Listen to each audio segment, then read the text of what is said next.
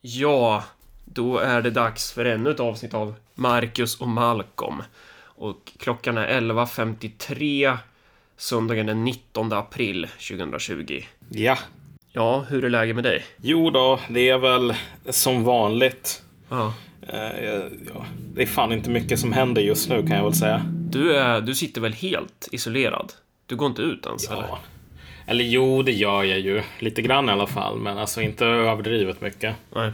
Ja, jag har ju varit ute och, och lämnat visir till att börja med Mm. nu till eh, hemvårdsanställda. Det är en väldigt intressant upplevelse att få se hur det ser ut på de här hemvårdsenheterna. Alltså de här människorna som jobbar där, de har ju inte, de har ju ingenting. Eh, för för jag, vi har ju krävt att få en sammanställning. Dels har jag tjatat om det här på flera politiska möten, det har jag väl gjort i en månad nu. Eh, och sen så har det gått flera veckor sedan eh, högsta förvaltningschefen ehm, lovade att, sam- att ge mig en sammanställning över hur det ser ut med all skyddsutrustning, men den har ju inte kommit. Jag känner mig lite som Ernst i Fyra nyanser av brunt. Eh, jag ska få telefonsvarare, men de ringer inte. Lite så känner jag. Ehm, så att det är väl bara att inse att eh, jag tror inte jag kommer få det där jobbet. Och eh, då får man ju helt enkelt gå bakvägen då, så då får man ju börja ringa runt eh, till människor på golvet och bara helt enkelt söka upp dem. Eh, och, och börja nedteckna hur det ser ut. Så vi har börjat göra det. Eh, så vi har besökt vissa enheter då och lämnat visir och det är ju så här, man kan ju komma till en avdelning, jag ska ju inte säga vilka avdelningar det är för att man har ju som rutin i kommunen så är det då att man åker runt och samlar in utrustning och så placerar man det i ett centrallager. Så det är ju helt omöjligt för de här enheterna att ha eh, skyddsutrustning så att de kan arbeta förebyggande. För då, då vill de, då jobbar liksom cheferna på högre nivå så att det här ska prompt vara i något jävla lager någonstans för att det är brist på skiten då. Ja. Så vi har åkt och delat ut utrustning och så har vi sagt att det här får ni från partiet så det här ska ni fan inte ge till någon annan. Det här gömmer ni. Så ni har, ni har det här nu. Ehm, Men, men det, det vi har fått, eh, den informationen vi har fått är ju så här att, ja men hur, hur ser det ut med visir här? Ja, nej, vi har väl ett eller två visir. Okej, var då eller? Nej, nej. På alla? Jaha, okej, hur många anställda har ni här då? Ja, det är väl ett 20-tal. Så ett, ett till två skyddsvisir på 20 pers. Eh, och så frågar man om munskydd och då, då är direktiven som så att nej men munskydd det hjälper ju inte. Jättekonstigt att munskydd inte hjälper när det är brist på det. Eh, och eh, man, man ska då skicka en förfrågan till centrallagret om att få munskydd eh, förutsatt att man stöter på någon som hostar och fräser väldigt mycket som är uppenbart jättesjuk. Men vi vet ju alla att, att den här sjukdomen smittar ju utan symptom. Alla vet ju Ja. det. Eh, så att, så att, och det, det är någonting extra vidrigt i det här.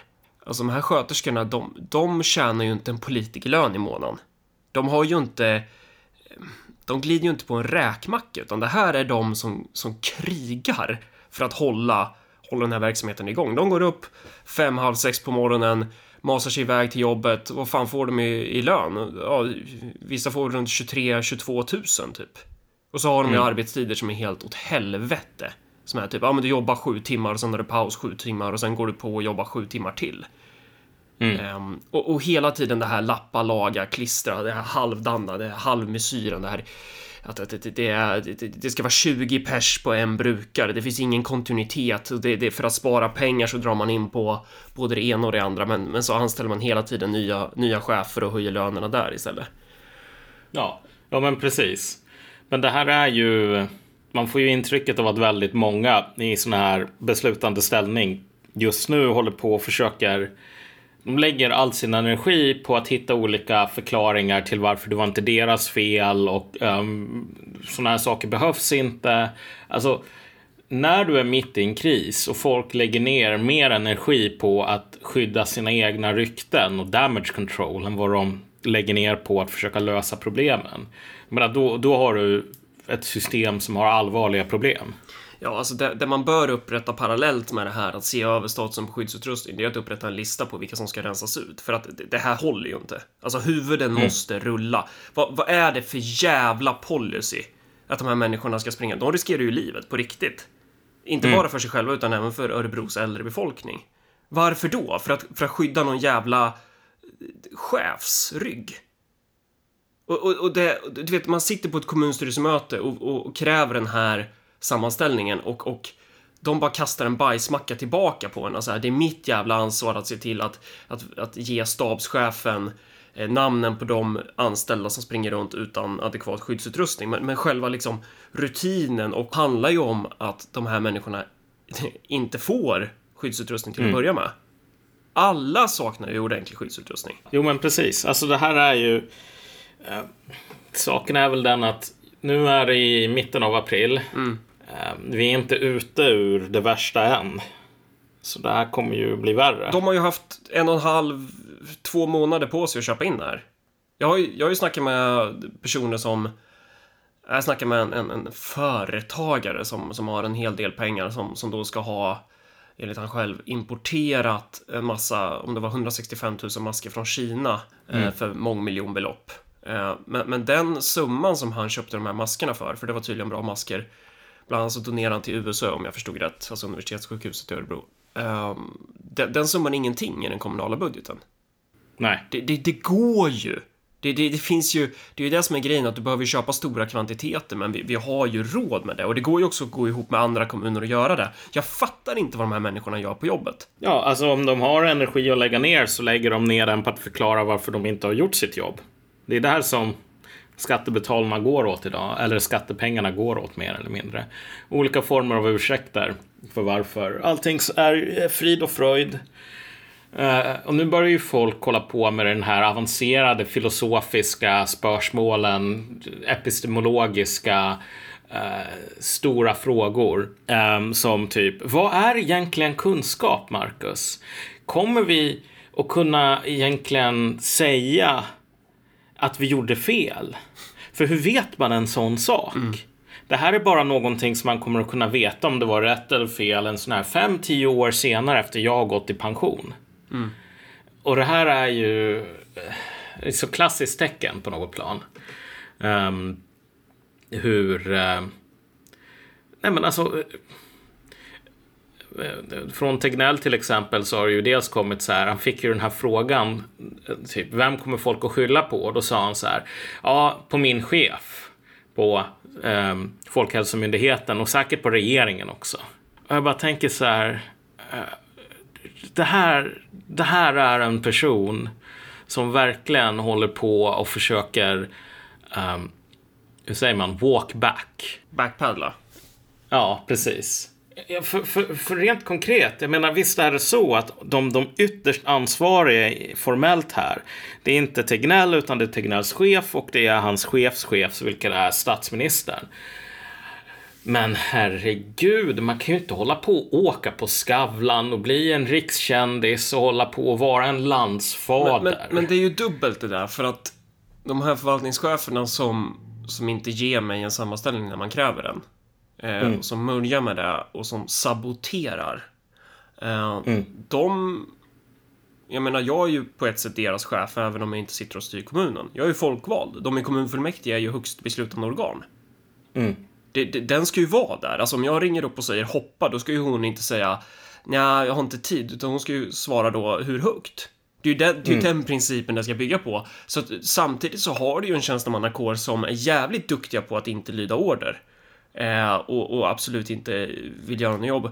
Men samtidigt som de typ vill skylla skylla ifrån sig på någon annan. Det som hade varit smart från henne, om hon nu skulle vilja skylla ifrån sig, det är att bara passa bollen iväg från hennes bord och bara säga ja, du får prata med den politiska politiska sidan om det här. Det är där beslutet ligger. Men när man kommer dit på kommunstyrelsenivå, då, då säger de ju så här, nej men vi vill inte ha en sammanställning. Det, det här är inte relevant för kommunstyrelsenivån, säger de då. Politisera inte den här frågan nu, Marcus. Och det, det gör de ju för det vi pratade om i tidigare avsnitt, att eh, om de inte vet någonting så kan de ju inte beskyllas för det då. Nej, men in, ingen vill egentligen ha ansvar just nu, känns det som. Det har vi pratat om tidigare och vi kommer att ha skäl att återkomma till det också. Men Men, ska vi hoppa in på Swish-listan? ja, vi säger tack till Torbjörn, David, Mats, David, Martin, Ulf, Anders, John, Anna, Jesper, Erik, Anton, Jonny, Joel, Per, Erik och Erik. Tack så mycket till er och tack till alla Patreons. tack så mycket. Eh, ja, vi ska prata lite om... eh, om stöveltrampen, Malcolm. Om det här som man har Ja, varnat om hela tiden. Eh, att, att nationalismen är på väg tillbaka och att eh, det kan bli jävligt obehagligt. Det är bara det att vi ska prata om den nationalism eller nationalchauvinism som har kommit att bli populär hos dem som varnat för just nationalismen. Nej men alltså, det, det är faktiskt helt, helt eh, sjukt egentligen hur snabbt vi har gått från den här förnekandet av att det finns något så här svenskt. För det första så finns det ingen svensk kultur. För det andra, även om en sådan skulle finnas så är det ytterst problematiskt att hålla på och hylla det egna därför att det leder till 30-talet och nazism. Till alltså den mest makalösa, nakna så här, nationalchauvinismen någonsin just nu. Mm. Um, den unika svenska folksjälen som är över, vida överlägsen de, de lägre stående folken uh, har lett oss in i den mest rationella coronastrategin någonsin på grund av våran genetiska, kulturella och uh, historiska överlägsenhet så är vi bäst i hela världen.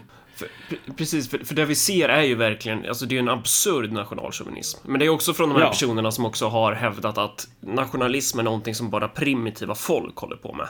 Ja, Eh, och, exakt. och det ger oss ju skäl att, att, eller man borde ju börja dissekera då, ja men nationalismens klassaspekter. Eh, en, en national, nationalism och nationalism är inte samma sak. Det är ju tusentals olika saker. De har ju alla, alla nationalismer har ju precis som alla olika nationer har ju massa olika karaktärer. Ja, alltså det, det, det vi kan väl säga här är väl att den mer, den mer specifika termen på vad vi ser idag är ju kanske inte så mycket nationalism som just nationalchauvinism. Vad är skillnaden där egentligen om du skulle förklara det? Jag skulle väl säga att nationalchauvinism är ett smalare begrepp som har att göra med just ja, den chauvinistiska biten här. Och vad innebär det då? Eh, att man ser ner på andra grupper och att man bara automatiskt antar sin egen överlägsenhet och använder de här antaganden om en inneboende överlägsenhet Um, för att mer eller mindre kunna ignorera eller klanka ner på andra grupper. Um, och det är ju liksom värt att göra den distinktionen därför att nationalism behöver inte vara chauvinistisk. Um, utan jag menar den tidiga europeiska nationalismen var ju typ mer eller mindre en ideologi som sa typ Kolla vad jävla balla alla olika folkgrupper är. Vore det inte riktigt ballt om de kunde få styra sig själva istället för att vara typ styrda från eh, någon annanstans? Men, men just den här typ, ja, oga boga människor som ni, ni förtjänar fan inte öppna munnen för att ni är oga boga. Alltså det är ju någonting som är, eh, det har också en lång historia. Men om vi nu ska försöka sätta pekfingret på, jag menar den här nyaste svenska nationalchauvinismen, ska man väl säga att ehm, den utgår ifrån att Sverige och som sagt, de människorna som säger det här säger ju, har ju sagt för typ ett år sedan att liksom, det finns inget typ unika folksjälar sådan, det är SD-snack eller ännu värre typ AFS-snack. Ja, det finns, ingen, det finns ingen svensk kultur. Det finns typ inget unikt med Sverige. Och om det finns Ja. något unikt med Sverige så är det att vi inte har en kultur. Ja, men nu är vi istället, okej, nummer ett, det finns någonting unikt med den svenska folksjälen. Och alltså i, i en kvalitativ bemärkelse så är den här folksjälen alltså överlägsen andras. Alltså vissa personer, jag tänker typ någon som Jonas Gardell och så vidare, så kan man ju sätta olika um, krönikor sida vid sida. Och då är det typ att ja, det finns inget Sverige. Och sen så blir det låt Sverige vara Sverige, typ eh, två år senare. Och du, och du vet att han har skrivit sådana texter så du inte... För jag har inte sett. Ja, Ja. jo, det vet jag. Alltså, alltså en, en, av, en av hans krönikor i Expressen var det väl, var just Låt Sverige vara Sverige. Okej. Ehm, och jag menar, han är ju inte unik här, så det är ju inte någon försök att skapa en beef, utan ett, ett allmänt konstaterande om att det är så här som djungeltrummorna går just nu. Men den här nationalchauvinismen, alltså nationalismer kan ju fylla olika funktioner. De kan, ju, de kan ju ha en heroisk och revolutionär och omdanande karaktär som handlar om att du ska kasta av dig oket från den kosmopolitiska adeln. De här som, som inte bryr sig om, om de arbetande klasserna, om, om de som är nationens kött och blod. Men det kan ju också ha en, en reaktionär karaktär, att du ska, du ska trycka nere folket, du ska bevara klassamhällets utsugning, du ska bevara fattigdom och elände för att så här, det, det, är harmonisk ordning att de som är satta att styra ska styra på det sättet som man gör. Alltså att, att man kan använda det åt lite olika håll. Och den här nationalchauvinismen som vi ser nu, den har ju inte direkt en heroisk karaktär, utan tvärtom så är ju det en, en, en, en, en hur ska man säga, en, en diskurs som handlar om att ni, vi ska alla lita på experterna, vi ska sluta upp bakom svenska staten och dess myndigheter eh, och de som har någon kritik mot det här, de är typ landsförrädare och de ska hålla käften. Mm. Det här är ju nationalchauvinism som, som, som går ut på att bevara status quo. Ja, och det är också så här. Um, jag menar, för typ ett år sedan eller 18 månader eller någonting, om jag hade fått en enkät där man skulle självskatta sin egen böjelse för så här national, nationalism, nationalchauvinism, typ dra skämt om danskar. Uh, då skulle jag nog ha skattat mig typ en 7 av 10 eller någonting. Så klart över genomsnittet. Fast, fast dra skämt om danskar, jag vet inte. Ja, vet nej, men du vet. ju att danskarna är undermänniskor, eller vad är det? Ja, jo men exakt, exakt. You get the point här. Så även om jag kanske är en 7 eller 8 på 10 på skalan så här right or wrong my country. Alltså det är ju helt chockerande att se människor som bara, ja ah, vet du vad, de här dumma eh, centraleuropeerna, de har inte fattat vad, vad räk matematik är. Mm. De här mm. dumma danskarna, de, ni har inte uppfunnit personnumren. Jag bara, pytsan, kom igen. Uh, ett argument som bygger på att så här, okej, okay, för det första, vi har minst antal döda i världen och om vi har mer döda i världen, då är det för att ingen annan människa har kommit på hur man räknar. Det här är ju bara skämmigt. Jag såg nyligen att man kom fram till att Sverige är det enda landet som, som räknar sina döda på äldreboenden. Har man börjat köra med nu. Och det är bara så här, kom igen. Ja vid, vid, vid ett annat tillfälle, och, och det här är ju alltid grejen med Tegnell, att han är ju ofta så sjukt otydlig sådär. Men vid ett tillfälle så sa han ju så här att att försöka släcka ner eller ha karantän i Stockholm, det, det gick inte för att Stockholm, det är så himla stort. Medan de här italienarna som du vet hade stängt ner norra Italien, de hade bara ett par mindre byar att göra med. Mm. Um, jag bara tänker så här, ja, mindre byar. I, Milano. I, i, i, ja, exakt den här jävla uh, uh, vedboden mm.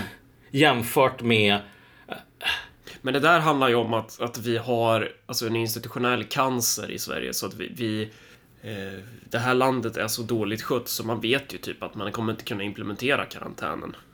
Mm. Alltså, jo, så är det ju. Men, men alltså från andra människor så har man ju sett lite samma sak. Om man mm. bara säger typ vid något tillfälle sa jag ju så här att ja, vet du vad, norra Italien, det är ganska rikt. Det har varit rikt i ja, över tusen år. De vet vad respiratorer och modern sjukvård är, alltså de har typ bättre sjukvård än oss. Då får man det här bara, ah, källa på det tack. Mm. Jag bara tänker så här, okej okay, men fine att hålla på och vara så här autistisk med källhänvisningar, det har sin tid och sin plats. Men är det verkligen så att du kräver typ um, en källhänvisning på att ett, en, en region som är, har långt fler invånare än Sverige har totalt. Mm. Uh, och som har varit uh, ekonomiskt rikt uh, sätet för flera olika imperier att så här, att det är inte typ oga boga sjukvård. Det, det är ju som de här amerikanerna i, i, i, som inte existerar ens nu för tiden, men som kanske existerade på 70-talet som bara, ah, kan jag få källa på att man har kylskåp i Europa? För jag har hört att det är så fattigt där. Mm. Uh, det, det är liksom samma grej. Och det här har ju triggats igång nu just på grund av att, ja, det finns ju delvis det här med att eh, en epidemi, det är inte så himla kul. Det blir massor med svallvågor socialt, emotionellt hit och dit sådär. Så, så i sådana här instabila tider så leder det till massor med urartningar åt olika håll. Men det finns ju någonting djupare här också. Alla ska lita på experterna, får vi höra. I ett läge där, alltså rent konkret, eh, experterna ofta tappar masken och visar sig, ja men alltså, om, om du tar Tegnell som exempel. Mm så fort du börjar hålla på med så epistemologiska argument om så här, vad är egentligen kunskap? Mm. Um, Okej, okay, fine. du borde läsa universitetet så här, filosofi A eller någonting. Det är där man ställer dem, den sortens frågor. Men om hela basen för din legitimitet är att du har en speciell tillgång till kunskap eh, genom din expertis och du sen ifrågasätter kunskapens själva existens. Jag menar, okej, okay, fine, filosofiskt intresse är jättebra, men du behöver sätta dig ner. Du behöver kliva ner från den här tronen som du tycker att du ska sitta på. Därför att du har ju redan motbevisat basen för varför du ska sitta på tronen. Det vi ser är väl en drift mot något teknokratiskt styre. Alltså det är väl det som ja. skulle kunna bli steg två på det här och det här för det ska ju sägas att den här nationalchauvinismen, det är ju bara ännu en kroppsdel som sticker ut ur det här glory holet på samma kropp av människor som tidigare har petat in Greta-kult, Refugees Welcome, alltså hela det här köret. Det är ju samma klientel. Mm. Och, och, och, i den här kroppen så finns det ju någonting som flödar och det är ju ett demokratiförakt. Det är ju en drift efter någon slags teknokratiskt styre. Eh, och, och, det har ju i sin tur att göra med klassintressen. Att man, man vill ju, man vill ju, man, man, ser ju att politiker runt om i Europa som, som slår ner näven i bordet och tar tag i skiten. Det säger man, det här är bara teater, det här är någonting dåligt, det här är inte eftersträvansvärt. Istället vill man ju mm. ha de här tjänstemännen som just nu, ja men så tjänar en 70 till över 100 000 kronor i månaden runt om i landet och som så här, har garanterat, har sett till, har gjort allt de kunnat för att vi inte ska ha någon beredskap alls för att kunna hantera den här smittan och som nu står och svamlar på presskonferenser. Och det ser mm. vi ju mm. svart på vitt. Hur blir det när de här jävla åsnorna eh, trycks ut från sina eh, mörka rum ut i ljuset och ska försöka styra ett land? Och, och, mm. och, vara typ politiker. Ja, men det går ju inte så bra. Nej, men alltså en person och du, du sätter fingret på någonting här att man måste faktiskt. Alltså som sagt, all nationalism är inte av av liksom en art, utan det finns olika arter av den. Um, och det är värt att ställa en, en väldigt grundläggande fråga här. Man kan ta avstamp i en, en krönika av Jens Liljestrand där han skrev att nu, mitt i den här krisen, så eh, du vet, känner en sådan nationalistisk patos här. En stolthet över det gula och den blå fanan. Som senast eh, vid det här han kände senast samma sak vid det här var fotbolls-VM någon gång på 90-talet. Den här, de gjorde den här sommarplågan när vi gräver guld i USA. Vet du vilket år det var? Det var 94, 94 kanske. Ja. Exakt, så att så här, corona, eh, hela den grejen har triggat igång en svallvåg av Fy fan vad jag älskar mitt land. Som den här personen senast kände 94 när vi grävde guld i USA. Bara så här rent konkret. Har du sett någon sjuksköterska säga samma sak? Alltså, vad är alla de människorna som håller på och gör vågen just nu över den, det liksom värnaste landet upp på jorden? Och också var det den hatade så kallade SD-pöbeln. Varför, varför står de inte sida vid sida med Anders Lindberg nu och viftar med blågula fanan? Ja, alltså det är ju också grejen. Varför är de så himla tysta? Man kunde ju tänka sig att den här SD-pöben skulle hoppa på varje chans och säga ja, gud vad Sverige är bäst. Precis, för, för nationalismen, det var ju bara en ondskefull farsot som, som, som, som bara blommade upp helt plötsligt. Som inte hade någon klasskaraktär och så vidare. Nej, alltså det verkar jävligt. Det verkar inte alls vara någon uppslutning bland eh, Sverigevännerna och det verkar inte heller vara den sortens uppslutning som får folk att skriva så här. Gud, jag har inte känt så här på 20 år. Det är så himla magiskt just nu. Alltså det finns det ju verkligen inte. Så, så här har vi ju uppenbarligen en ganska... En, en, en geografiskt måste man ju ändå säga, givet hur eh, svenska klassamhället ser ut. Eh, och ekonomiskt, kulturellt väldigt begränsad nationalchauvinism. Det är inte så att från typ Kopparberget ända upp till... Äh, Kopparberg. Ja, ja, ja, sluta nu. Ja. Från Kopparberg till Lidingö. Det är inte direkt så att det är från, äh, från roten ute till trädets krona som den här magiska fosterlandskärleken visar sig då. Och, och det roliga här är ju att vi får den här magiska, den här kärleksaffären med experterna från en begränsad del av samhällskroppen, sådär, från en begränsad klass. I ett läge där experterna eh, ganska uppenbart har misslyckats. Eller i alla fall så här, eh, även på rent vetenskapliga grunder så är det så att alltså, Sverige går just nu emot konsensus på väldigt många områden. Och väldigt många av de här eh, prognoserna som man gjorde som vetenskapsman, eh, de har ju inte slått in. Vad vi ser nu är ett socialt fenomen begränsat till en viss grupp och som speglar, skulle jag nog säga, eh, eh som du var inne på tidigare, ett försök att Bevara. säkra teknokratin här. Mm. Och, och, det blir ju bara mer och mer aggressivt. Alltså när, när de här andra forskarna kommer och säger bara, men hallå, ni gör ju fel. Och, och de får där de ber om, de får liksom en akademisk debatt typ.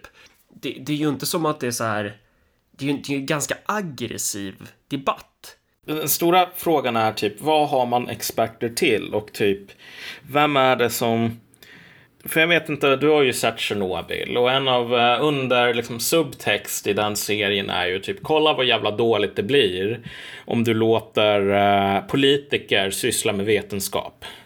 Här är problemet dock att det låter jättefint i teorin. Låt vetenskapsmännen vara och vetenskapskvinnorna också självklart. Låt dem vara icke nedtyngda av dessa feta amatörer som tidigare jobbade på skofabrik innan de blev någon sån här folkkommissarie sådär.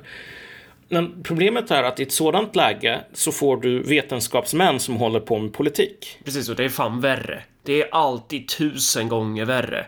Och det är ju där de här människorna aldrig fattar. För det, man får ju ofta höra det där, gärna från människor med akademisk bakgrund. Bara, ja men jag är högskoleutbildad eh, och, och jag, jag är så jävla mycket bättre än alla de här personerna som inte har läst på universitetet. Och Sverige hade bara blivit, det hade bara varit så mycket bättre om vi inte hade en svetsare till statsminister. Och det där är så efterblivet. Alltså det där visar ju att man fan inte fattar någonting om hur politik fungerar eller hur man styr ett land. För när de här väl hamnar i, i, i en position och ska, och, och ska styra, då blir det ju bara, det blir ju bara ännu mer pannkaka då. Jo, exakt. Nej, men alltså det är dels att politik faktiskt är ett hantverk som liksom, amatörer inte kan bara lära sig på fem sekunder, apropå det här med uh, jag blev en virusexpert efter fem minuter på Wikipedia. Och det är väldigt många virusexperter som tror att de har nu blivit politiker efter fem minuter på Skavlan sådär. Um, men, men det finns ett djupare problem här, vilket är att du kommer också få ett, ett, ett förnekande av politikens primat här. För att låna från Carl Schmitt. Du kommer att få Uh, dessa vetenskapsmän kommer att agera politiskt. De kommer att hålla på och väga typ, ja det här tjänar jag på, så därför kör vi på det. Uh, men de kommer att låtsas som att det de gör det inte, inte längre är politik, utan det är bara ja, vet... Exakt. Ja, um, och de kommer att försöka döda alla eh, möjligheter att tänka, diskutera politiskt. Det vill säga eh, den här mänskliga sfären som ställer de här mest grundläggande frågorna om villkoren för vår existens. Vem som ska bestämma, vad som ska gälla, vad som är rätt, vad som är fel. Och det ska man komma ihåg att så fort någon jävel gör anspråk på att fatta ett beslut och hävdar att, att det beslutet man fattar, det är på något sätt universellt uttolkat, det är objektivt korrekt, det är inte politiskt, då vet man att det är raka motsatsen. Det är livsfarligt att låta den där människan mm. få makt. Exakt, därför att människor kan inte undfly. Um, människor är politiska varelser. Och det enda de kan göra det är att ljuga om att de är det. Ljuga för sig själva och ljuga för andra, eller försöka i alla fall. Men de kan inte sluta vara politiska varelser. Uh, vilket gör att den stora faran här med olika former av expertvälden är ju att det är mer eller mindre omöjligt att utöva någon form av demokratisk makt i det, ett sådant. Ehm, och vad vi ser idag är ju mer eller mindre just hur den här, jag menar rent konkret, om, om, om man bara tar ett konkret exempel. Ta, ta Agnes Wold, den personen, som är väldigt i debattens framkant. Um, tidigt så sa hon så här, nu ska vi alla hålla på att tacka Anders Tegnell och Smittskydds eh, Folkhälsomyndigheten för att de förhindrade corona att um, sprida sig till Sverige. Eh, och det här är ju en, kan ju jag som någon sorts outbildad bonde se att alltså, det blev inte riktigt den här CDn. Så prognosen följer ju inte in. Men då blir ju frågan, okej, okay, men är Agnes Wold där hon är för att hon kommer med korrekta prognoser? Eller är det så att det här korrekta prognoser, det är lite av en sidogrej sådär att ja, det är ju bra om man kommer med korrekta prognoser, men även om man inte gör det så ska man hålla pöben på mattan sådär. Och nu när vi är i den här väldigt problematiska fasen i coronabekämpningen så ställs den här konflikten på sin spets. Mm. Därför att den formella legitimiteten för expertisers, experters politiska, sociala och kulturella makt håller ju på att undermineras på grund av att man håller på och failar till höger och vänster. Men då vill man inte riktigt diskutera öppet om att det är fan kul att sitta på tronen. It is good to be the king. Och att man gärna vill fortsätta göra det, även om, det vis, även om du skulle kunna illustrera så här att en, en, en random anka från Sörmland. Du bara tar in en anka. Mm. Och den här ankan får typ gå runt på ett tangentbord. Och så visar det sig att om du låter den här ankan från Sörmland gå runt på det här tangentbordet så kommer du att få så här perfekt, uh, det, det kommer att vara som en hyperavancerad AI och fattat de mest rationella besluten någonsin. Hur många människor i den här expertskiktet skulle säga Åh fan vad bra, nu har vi den här ankan, nu behöver inte jag tjäna pengar längre. Mm. Så det finns en klasskonflikt här. Men, men den andra biten som är värd att tänka på i den här nationalchauvinistiska tiden är att nu börjar vi se, skulle jag säga, på allvar hur, du vet de här gamla berättelserna om att så här, 30-talet är på väg tillbaks. Nationalismen, det är en farlig... Det, det är så här. Först så börjar du röka lite braj och sen så håller du på typ...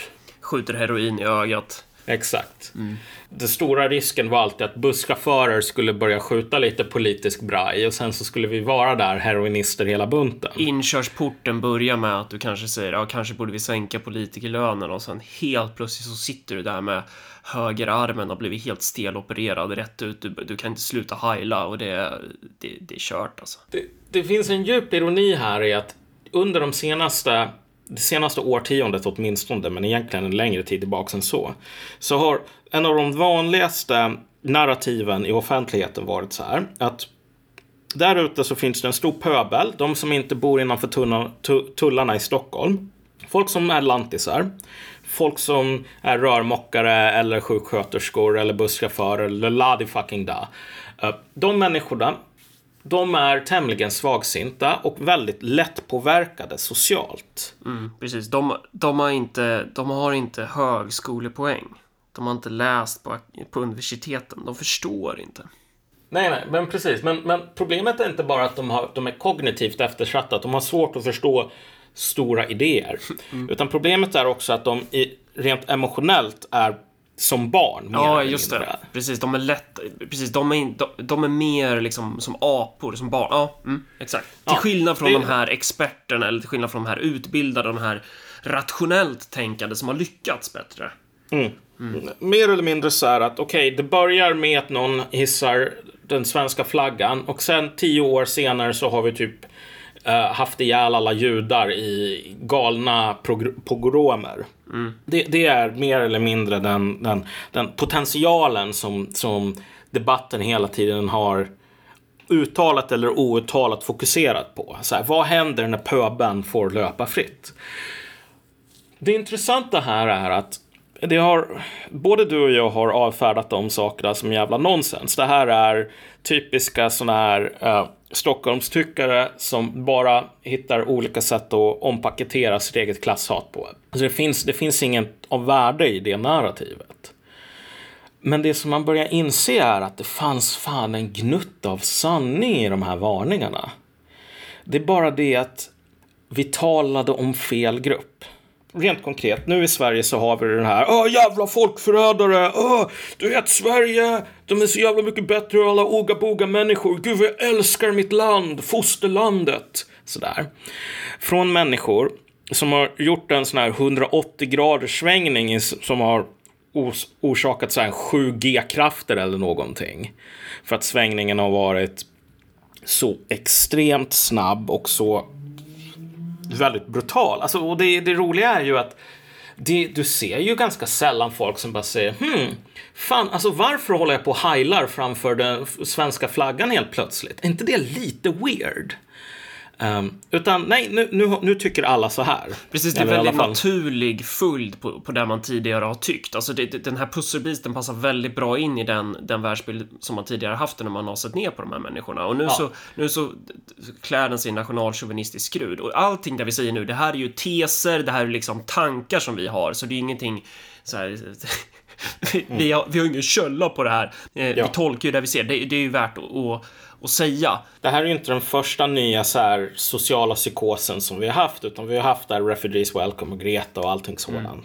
Men vad man måste förstå här är att det är någonting som faktiskt inte bara är nys, är att säga att det är ganska farligt det här som vi ser just nu. Den här sortens nationalchauvinism som vi ser just nu.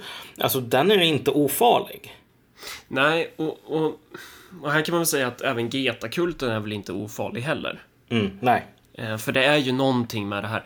Om, om, man, om man börjar, om, om man tittar på själva liksom flockmekaniken i de här typ ideologiska utfallen. För jag skulle säga att vi, vi ska inte prata om liksom nationalchauvinism i sig. Vi får inte abstrahera det från, från det övriga. Nationalchauvinismen är bara ännu ett uttryck på en mm. mer underliggande ideologi, en underliggande politisk strömning, en underliggande politisk klass, ett klassintresse.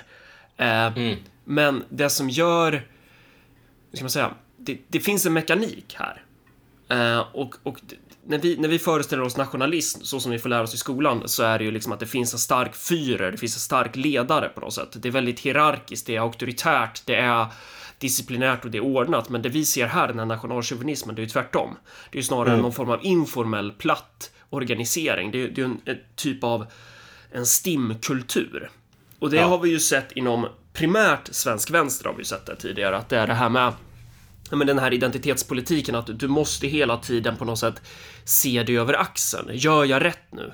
Alltså om, om, du, ska, om du ska skicka ut en åsikt som, som inte ligger helt under the prime directive så, så måste du gå igenom, vad kan man säga, tre eller fyra steg. Så att du, du skickar ut en åsikt, till exempel i en podd, en vänsterpodd. Och så säger du, eh, ja men det kanske är problem med förnedringsrån. Eh, steg två därefter är att du måste ironisera, du måste gardera dig. Och säga mm. något i stil med hö det här gör mig kanske till rasist. Och så kollar du åt alla olika håll för att se, är du fortfarande med på banan? Steg mm. tre är ju därefter att invänta responsen från övriga stimmet. Simmar de åt samma håll som dig? Hur reagerar de på dig? Har, har, du klarat det här? Och beroende på hur deras reaktion blir så väljer du då antingen åsikt A eller åsikt B, det vill säga garderingen eller den åsikten du gav du gav uttryck ja. för. Och så agerar ju ett stim, alltså det finns ingen ledare utan du måste hela tiden titta vart simmar de andra. Och det här hänger ju då ihop med det här som jag pratade om tidigare, att, att den här klassen av människor, många som uppbär sina försörjningar från det offentliga, alltså transfereringar från det offentliga, de är ju på, på ett i en högre grad beroende av att vara accepterad av kollektivet, att inte bli utstötta.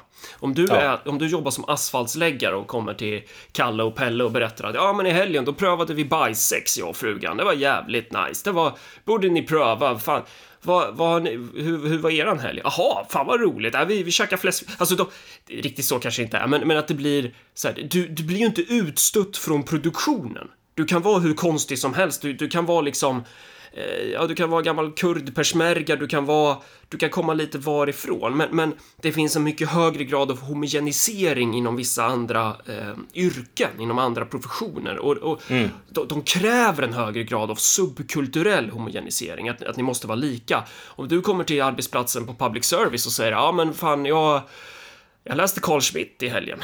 Det var intressant. Alltså, du kan ju bli Ja, det är ingen som kommer att veta om du pratar om i och för sig, men Nej, nej, men typ så här. Vad ska man säga? Ja, men, eh, ja, men man kommer med bara en lite kontroversiell åsikt. Det är ju skäl att kicka dig fast du inte har brustit i ditt jobb. Alltså, mm. speciellt om du är kulturarbetare. Och här ska ju också sägas att det är inte bara vänstern. Men just eftersom att merparten av dagens kulturarbetare och merparten av det här mellanskiktstransferiatet eh, ligger åt vänsterhåll så, så, så kan man ju liksom associera dem med varandra, men det är inte samma sak. Alltså det här kan du ju se även hos kulturarbetare som kommer från höger.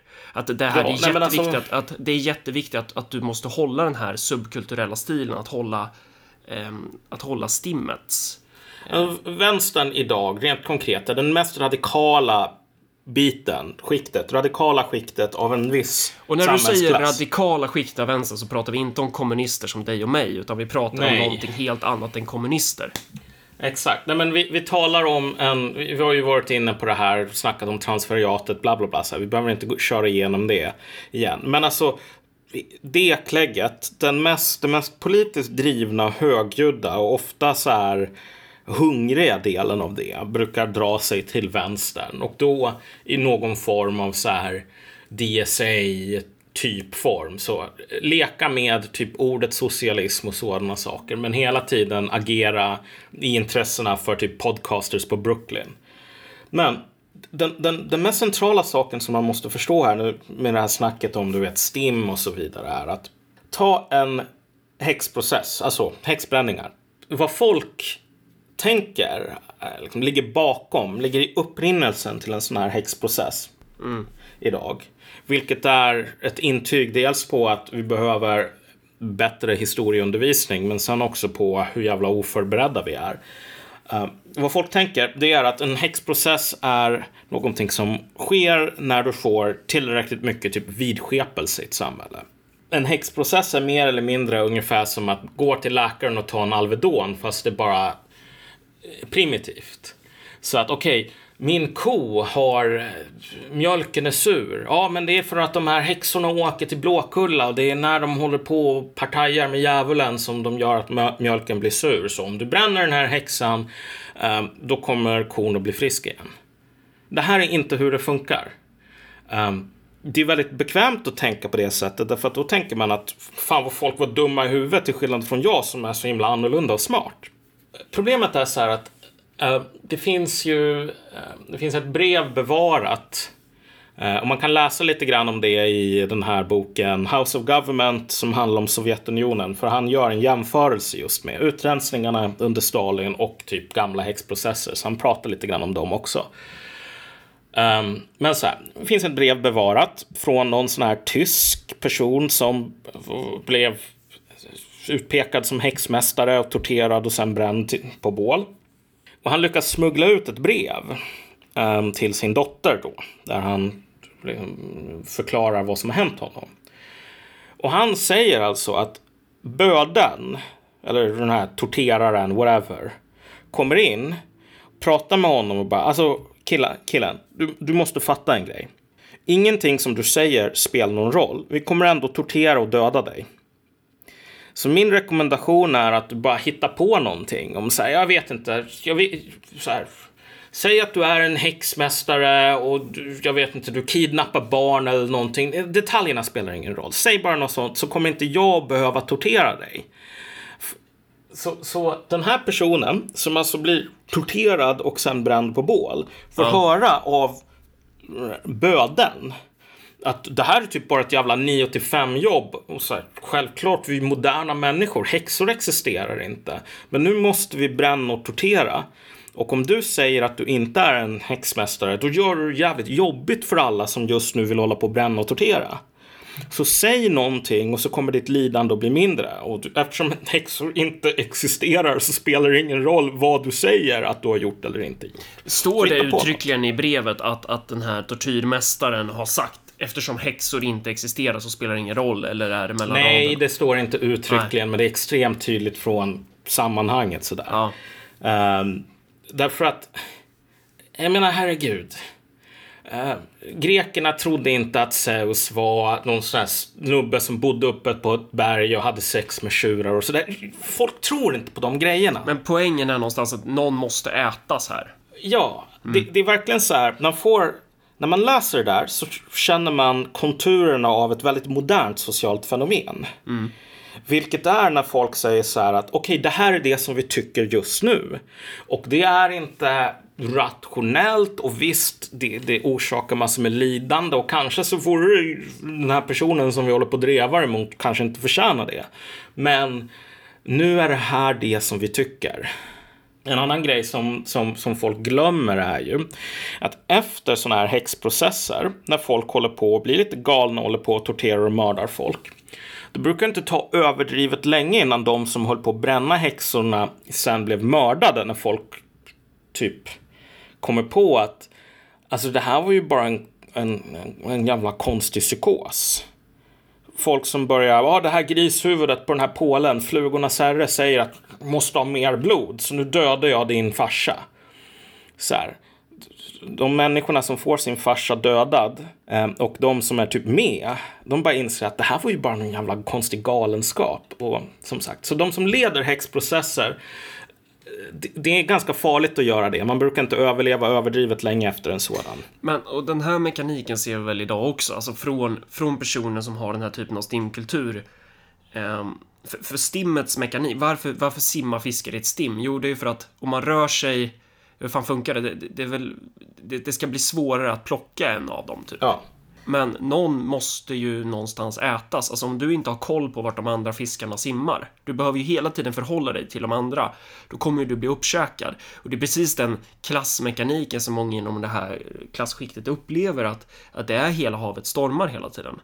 Det är så jävla viktigt att vara en del av den här konforma, eh, hur ska man säga, men vara en del av den här subkulturen. Då blir det ju ett annat kriterium för att vara inne eller ute jämfört med då en mer vanlig arbetsplats där kriteriet för om du är inne eller ute det är om du sköter ditt jävla jobb eller inte. Men här har du massa kulturella aspekter på det också. Den här statusen och sådär. Men då inställer sig frågan, om det är så att folk inte håller på och bränner häxor nödvändigtvis för att alltså, de tror på vidskepelse av den här stilen att typ Zeus är en gud som bor på ett berg som har sex med tjurar och därför så har typ eh, så, så, så ser världen ut som den gör. Om vi tänker att folk tror inte på den där skiten utan det är någonting de säger sådär. Vad är det egentliga skälet då? Det, det generella svaret på den frågan är mer eller mindre, i alla fall enligt den här teoretiken som jag tyvärr inte kommer ihåg namnet på men som är ses som fadern till teorin om social panics eller moral panics han menar ju att en moralpanik och häxbränning är ju bara en väldigt allvarlig form av en sådan och ett drev är en mindre allvarlig form, ett modernt drev då. Men han menar ju att de här processerna, det är som en typ social allergireaktion lite grann. Det finns någonting här i systemet som, som är extremt stressat. Som en respons på den här stressen så börjar det sociala, det kulturella immunförsvaret attackera sig själv. Ja, eller ja. Ja. Men, men, det är, och, men det är ju, alltså rent logiskt utifrån STIM-mentaliteten så är det ju, någon ska ju dö, någon ska ju missa en stol i hela havet stormar. Ja. Så det, så det är väl bara den mekaniken fast accelererad. Så är det ju självklart. Ja. Och, och, och, men det finns ju två nivåer här, vilket mm. är att om du tänker att du ska vara en person som är en klassisk failson och du ska få ett jobb inom media, då är det så att det finns ett, antal, ett begränsat antal stolar. Och din död, eller ditt bröd, det är någon annans död. Så man måste ha vassa armbågar och man måste putta bort folk. Men alltså även i, i situationer där den dynamiken inte finns, så kan du, vi kan tala om en situation där, som den här moralpaniken kring satanister på dagis. Mm i USA på 80-talet. Det var ju en väldigt stor transition som pågick, alltså att eh, kvinnor rörde sig ut i arbetslivet och mönstren för barnuppfostran höll på att ändras ganska mycket. Så att du har de här väldigt snabba förändringarna och de övergår någon form av kapacitet som människan har för att hantera förändringar, besvikelse och så vidare. Och när den kapaciteten överstigs då får du väldigt många sådana galna moralpaniker, drev och liknande. Mm det centrala att förstå här, när vi talar om den svenska nationalchauvinismen till exempel, det är ju att den här är ju ett tecken på samma sorts stress skulle jag säga. Mm. Um, att, att vi börjar gå upp i den här röda nivån på hastighetsmätaren här. Um, och det är då som de här riktigt konstiga sakerna börjar dyka upp. Alltså Um, men den, klassisk... Men, ja. Ja. Jo men precis, och den poängen är ju klar. Att det här är ett utfall av liksom, de här människorna är stressade. Men varför är de stressade? Det måste ju ha att göra med deras klassposition. De är ja, stressade för att, för att deras ställning i produktionen är av sådan art att Alltså om, om man jämför så här, var, varför har vi inte den här typen av stimkultur på, i, inom liksom breda arbetarklassyrken, i alla fall inte i högre grad? Ja, Mm. men det är för att där har man ju en annan möjlighet att istället för att fly och simma i stim och hela tiden hacka ut någon av sina egna, eh, så slåss man. Man kan, man, man kan börja bråka, man kan lägga ner sitt arbete. Och så, alltså du, du, du, du, du, du är ju mer stridbar, det är en annan mentalitet, det är något mer heroiskt i, i, i hur du angriper verkligheten. Men det här stim-mentaliteten, den är mer reaktionär. Jag menar, man, man, man får ju ha klart för sig att under rätt sorts förutsättningar så är ju eh, vilken svetsare som helst 100% kapabel att Bränna häxor. Ja, precis. Att, att, att dyrka vid foten av flugornas herre, så att säga. Men vi ser inte riktigt det just nu. Nej, precis. Det måste ju vara, det måste ju finnas vissa kriterier som gör att den här svetsaren blir så pass stressad, politiskt Ja. stressad, så att han gör det. Men det vi ser är väl inte en politisk stress från de lagren av samhället. Istället så är ju den här stressen allokerad till de här fanatiska nationalchauvinisterna som bara för en kvart sedan tyckte att man skulle bränna gul, blågula fall, flaggan, typ. Och nu så ska man ha den på varenda presskonferens och en pin i kavajslaget. Ja, alltså. Det, det finns.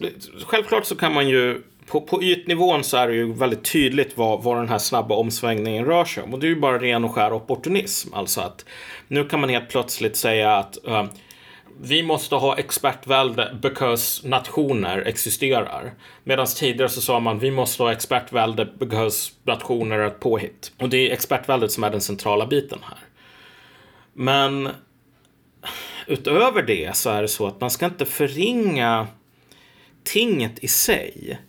Därför att just nu så är vi ju uppenbarligen i en situation där väldigt många människor kommer att lida väldigt illa av den ekonomiska krisen som vi är på väg mot. Men även innan den triggades igång så knakade du jävligt mycket i fogarna för just hela den här klassen som vi talar om.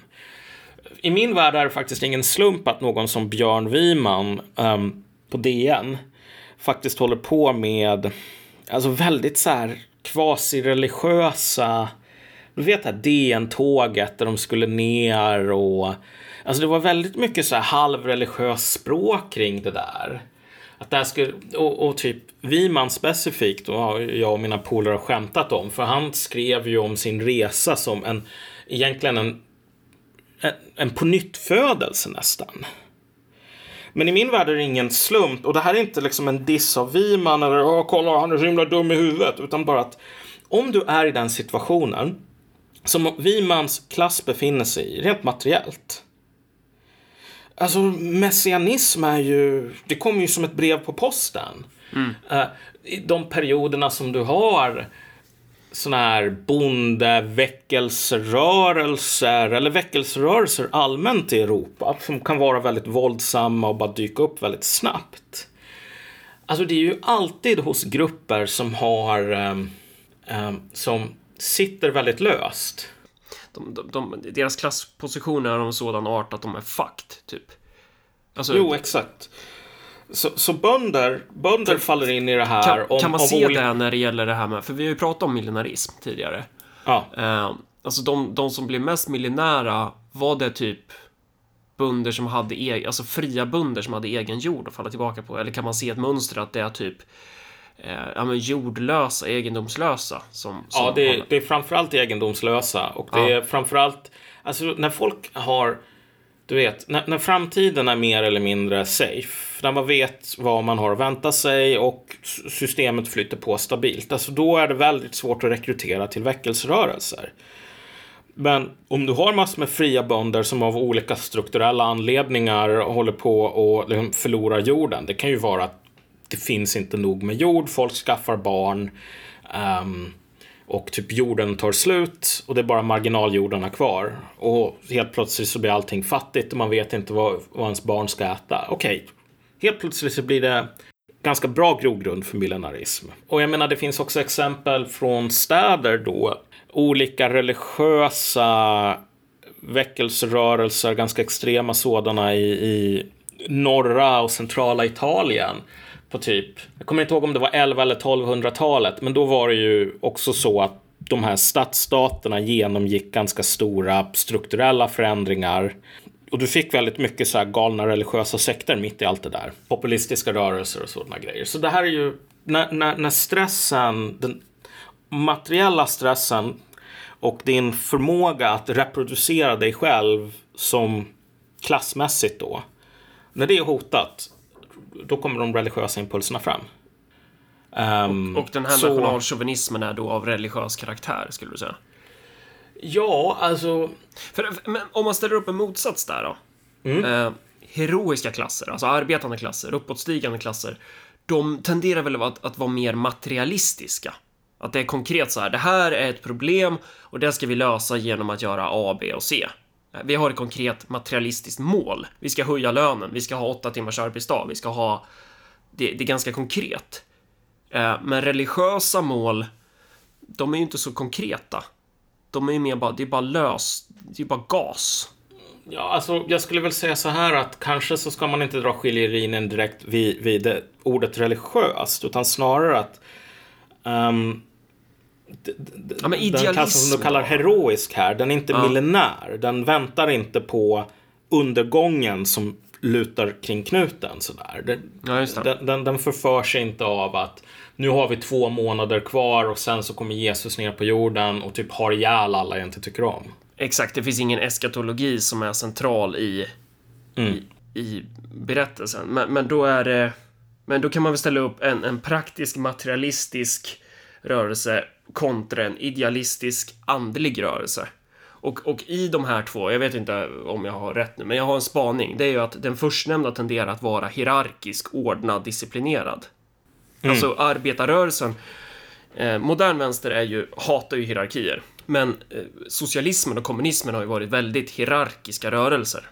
Alltså det har ju varit mm. stenhårt, alltså man, man har ledargestalter och man det, det, finns liksom en ordning, man vet vad det är för mål, det är ganska handfast. Eh, men den här typen av, av, hur ska vi säga andliga eller liksom idealistiska millenära rörelser, det blir mer stim. Det är ju mer så här kolla över axeln, eller hur? Det finns väl en ja. annan form av me mekanik. Och till där då, skulle jag vilja säga, är ju att för att hos de här identitetspolitikerna, hos de här typ STIM-människorna, så brukar man ju ofta framhålla hur jävla konstigt det är att eh, att man inom kommunismen haft ledare som inte själva har en arbetarklassbakgrund. Men mm. jag tror att det kan ha ihop med att om du har en rörelse som är praktiskt lagd, som, som fokuserar på sakfrågor, så spelar det typ ingen roll vem Alltså hur, hur den här personen är, eller liksom vem personen är som leder.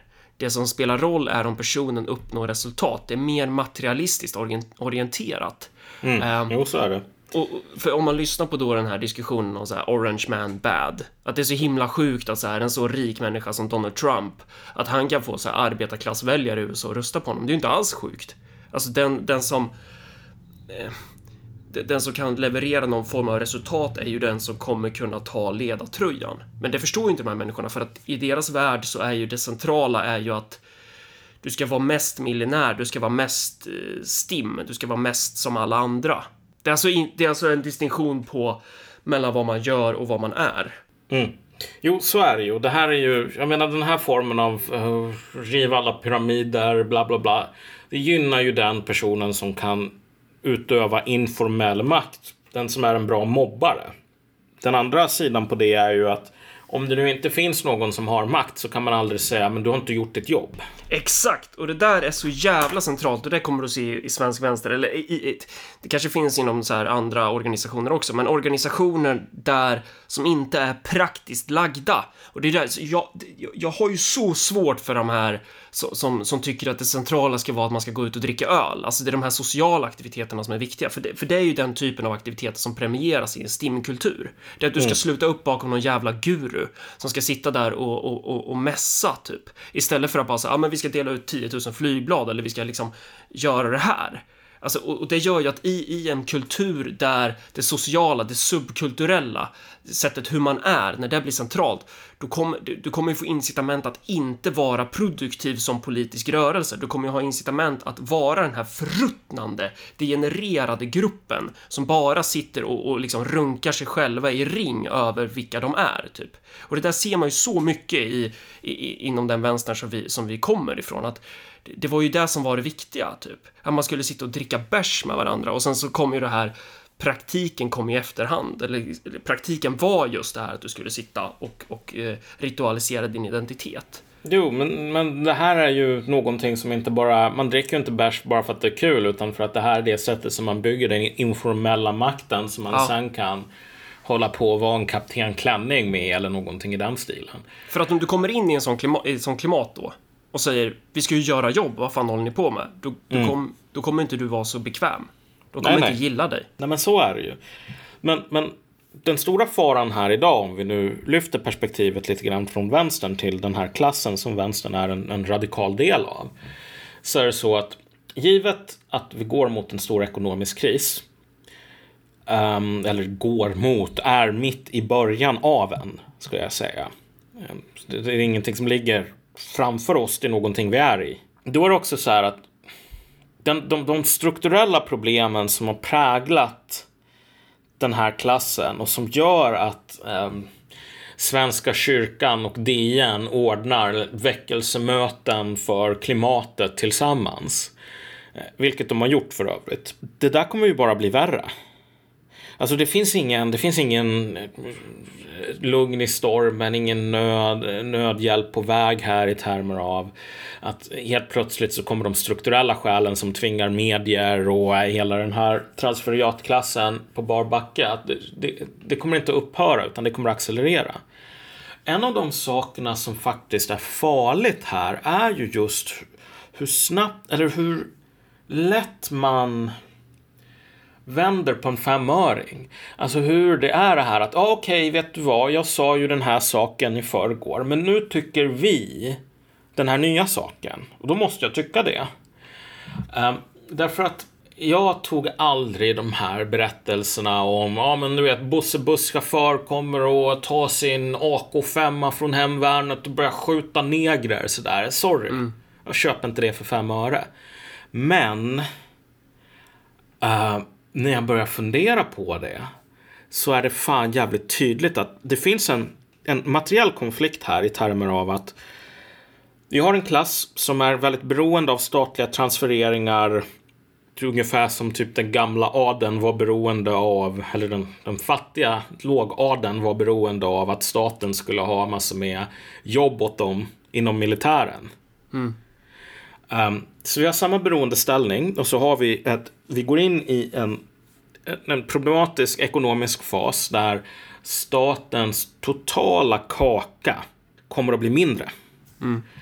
Uh, och sen så har vi en grupp som av olika skäl man sett som sin maskot, sina klienter som är extremt beroende Betjän... av de här. Alltså det är betjänarskikten, man ska säga, betjänterna. Som man, alltså de här migranttransferiatet, det är de du ja. menar den, den, den marxistiska poängen här med för migranter är egentligen tudelad. Och den första poängen som de här har, den första nyttan som de har för den här klassen är ju att eh, det är en källa till arbetstillfällen. Alltså du behöver massor med människor som ska hålla på att administrera hela den här stora apparaten. Um, och det är ett sätt för staten att genom sin transferering här av resurser till ett, ska man säga, ett extra ekonomiskt område. Um, så, så får du helt plötsligt massor med sinekurer som du kan tillsätta. Och ju bättre politiska kontakter du har, desto större är din chans att få uh, kunna tälja guld med smörkniv. Precis, och då är det ju skitbra för den här klassen då. För det var ju det mm. du sa. Att, så, så, att man, så man verkligen lyssnar noga på det vi säger att, att det handlar för den här specifika transferiatklassen så är det jävligt gynnsamt. Men det är ju inte gynnsamt för typ Jack som är rörmokare eller någonting. Han gynnas ju inte direkt av det här. Ja, alltså. Det, det blir väl lite grann som att kissa sig i byxan för en sån människa. Att det blir varmt i början, men givet att problemet här är att frågan är var tar man pengarna ifrån? Mm, exakt. Um, och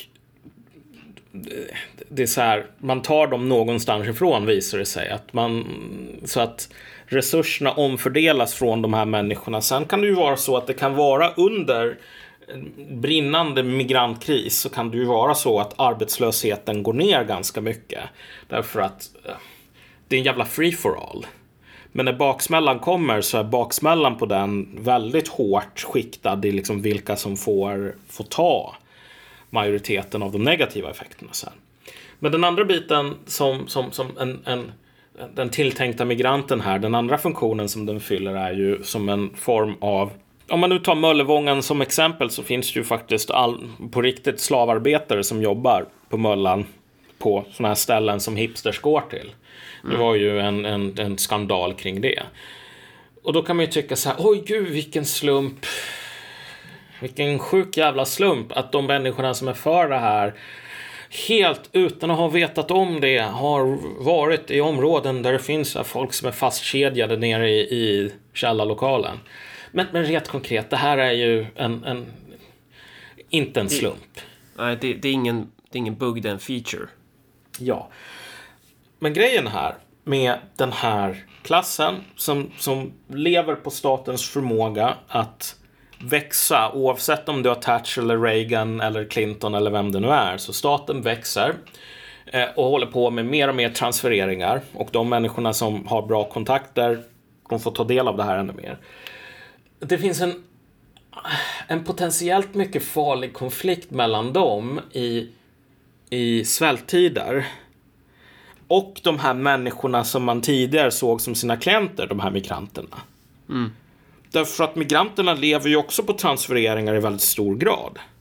Och, vi, och här ska man komma ihåg att här har vi ju varit inne på att migranterna inte är ett stort hot mot den här, att, att migranttransferiatet är inte ett så stort hot mot medelklasstransferiatet för att migranttransferiatet saknar de ideologiska den ideologiska legitimiteten i att göra anspråk på de offentliga resurserna.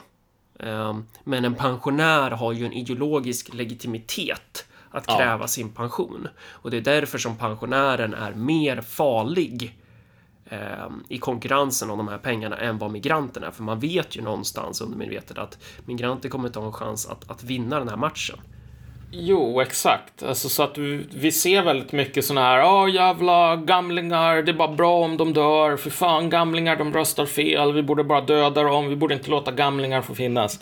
Alltså det här, det här eh, går ju hand i handske lite grann med en, en, en underliggande jävla eh, materiell konflikt, precis som du påpekade. Men när det gäller migranter. I ett, alltså medelklassens aptit är inte blygsam i termer av sådana här saker, alltså de, de resurserna som man behöver göra, göra kall på. Um, det hela tar den här grejen med ränteavdraget till exempel. Ränteavdraget har ju alla sedan ganska länge eller nästan alla håller ju med om att det här är inte en så himla smart idé att ha. Det leder till att vi får bostadsbubblor i värsta fall. Kanske ska man inte hålla på att subventionera medelklassens så här superbelåning. Men det är typ omöjligt att skära ner på. Ingen vill göra det. Varken moderater eller sossar vill röra ränteavdraget. Eller vill inte det. Så länge din politiska klassbas är beroende av det. Ja, exakt. Det, alltså det, det, det, är en på tok för het potatis. Mm. Och ränteavdraget är inte unikt, utan alltså det finns poster och det finns strukturer som är ganska resurskrävande och som av politiska skäl, man kan inte hålla på att skära ner på dem. Men vad händer då om resurserna är så begränsade så att man måste skära ner någonstans? Um, det som jag börjar bli lite orolig för, det är ju att, att den, den riktiga, alltså den riktiga så här, typ skjuta neger sådär, ut med all packet. Det kommer inte komma från sverigedemokratiska väljare. Utan givet att du har den här klassen som har de här objektiva förutsättningarna man är beroende av transfereringar, statens förmåga, statens kaka här kommer att begränsas och den andra biten av kakan som hela tiden växer, det är de här människorna ute i Husby typ. givet att den här gruppen människor har, har bevisligen en förmåga att kunna tycka två helt olika saker baserat på vilken veckodag det är. Mm. Och sen förklara de här skiftena med, om de ens tänker på det, med ja, jag vet inte riktigt, det kanske ligger någonting konstigt med det här, men det här är det vi tycker nu. Mm. Uh, det finns faktiskt en ganska farlig potential här. Den potentialen finns inte hos Bosse busschaufför därför att Bosse busschaufför har inte uppvisat i närtid olika snabba oscillationer mellan olika positioner motiverade av grupptryck, social stress. Där Bosse busschaufför har sagt, ja ah, vet du vad, det är bättre om jag inte tänker själv och bara gör som flugornas herre säger åt mig att göra. En, en sak som, en refräng som har blivit väldigt vanlig nu, det är så här, corona handlar om klass. Mm. Och att säga att X handlar om klass har ju länge varit den här strategin man vänder sig till för att man inte vill hålla på och diskutera saker som kultur, liksom hela den um, burken med maskar. Och när du säger att när corona handlar om klass så menar du då att varför är det så många somalier som har blivit smittade? Är det där du menar då? Ja, eller men, som... Rent konkret så här, när, när de här typ vänstertöntarna håller på att tala om klass, då talar de ju bara om din, din, din specifika position i taxeringskalendern. Precis, de pratar ju om inkomst, de pratar ju inte om ställning ja, i produktionen. Um, och problemet är ju bara så här att om det vore så att vi kunde säga att den här somalien, eller somalier som grupp, de befinner sig här i taxeringskalendern och typ de överrepresenterade i botten. Men om vi kollar på alla de majoritetssvenskar som befinner sig på samma plats, vilket är vid botten, då är de precis lika drabbade. Men alltså, det är ju ingen... Det är ju absurt. Och det där är ju också intressant för att det gäller ju inte bara corona utan det gäller ju, det gäller ju brottslighet, det gäller ju massa saker där man kör då med att varför sker det här? Ja, men om, vi frågar någon av de här debattörerna från den här, det här lägret så säger de ju att nej, men det handlar ju om inkomst. De här människorna, mm. de, de kissar andra människor i munnen för att de är fattiga. Så lösningen är ju om vi bara kastar mer bidrag, mer fritidsgårdar, mer subventioner, mer med allt möjligt eh, så löser det här sig automatiskt. Då har du den positionen samtidigt då som du själv är beroende av de här transfereringarna som du vill kasta på de här människorna. Mm. Jag menar rent specifikt med sådana här um, olika etniska grupper som är speciellt drabbade av corona. Um, ett stort problem när man ska försöka koka ner allting till klass är ju så att vad är det som egentligen förklarar um, att svenskar som tjänar väldigt lite extremt sällan skaffar väldigt många barn? Ja. Så, hur många fattiga svenska 11-barnsmorsor finns det egentligen i det här landet? Och vi kan bara konstatera att den här morsan har inte tjänat ett enda rävöre under hela sitt liv. Det, det finns sådana morsor, men de är väldigt få som, som har 11 barn. Och det är så här, det är så himla tydligt, alla vet ju, precis alla, ah, människor som har en IQ ovanför rumstemperatur förstår ju att en del, en väldigt signifikant del av just eh, de, olika mönstren här eh, med vilka grupper som blir smittade, i, i fallet typ somalier till exempel, har att göra med dåliga språkkunskaper, det är nummer ett. Och andra kulturella mönster vad gäller boende, vad gäller typ hur man umgås över generationsgränserna och så vidare. Alltså, om du gav dem en 10 000 spänn i månaden.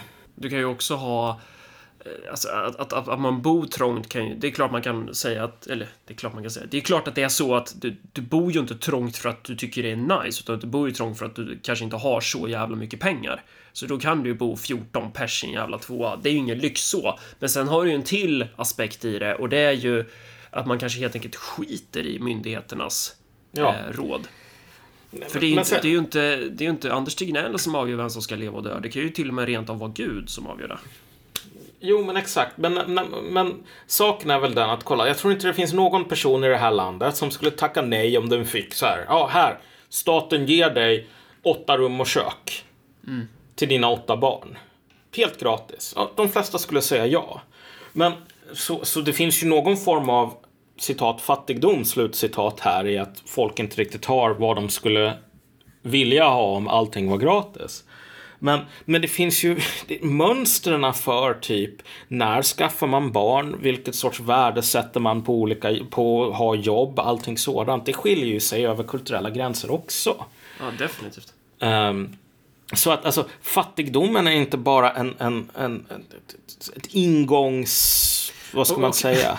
Och, Det kan vara och en med- produkt av någonting också. Och, och det är ju inte bara kulturella skillnader, utan det är kulturella skillnader i relation till det land man befinner sig i. För att Ja. somalier i Sydafrika är ju avskydda för att de är så jävla driftiga och driver företag. Ja, precis. Jo, och det finns ju massor med pogromer och liknande som pågår i Sydafrika. Ja. Del, delar av Centralafrika också, just där man ska ut med alla de här jävla människorna som kommer och tar våra jobb. Ehm, så det är konstanta oroligheter av den anledningen. Men, men grejen är bara att för att koppla till- ihop det här med det som vi talade om tidigare. Marx sa ju att vet, kapitalismen, kapitalisten här är ju som den här trollkaren, häxmästaren som frambesvärjer massor med krafter från the netherworld och sen tappar kontroll över det här. Slår på fummeltabben därför att du vet, kapitalismen har en egen vilja, håller på att förstör. Man kan inte räkna med hela dess destruktiva, kreativa potential. Ingen kan göra det. Men det som slår mig nu är ju att jag tror att fan medelklassen håller på att tappa kontroll över sina egna tricks. I alla fall potentiellt.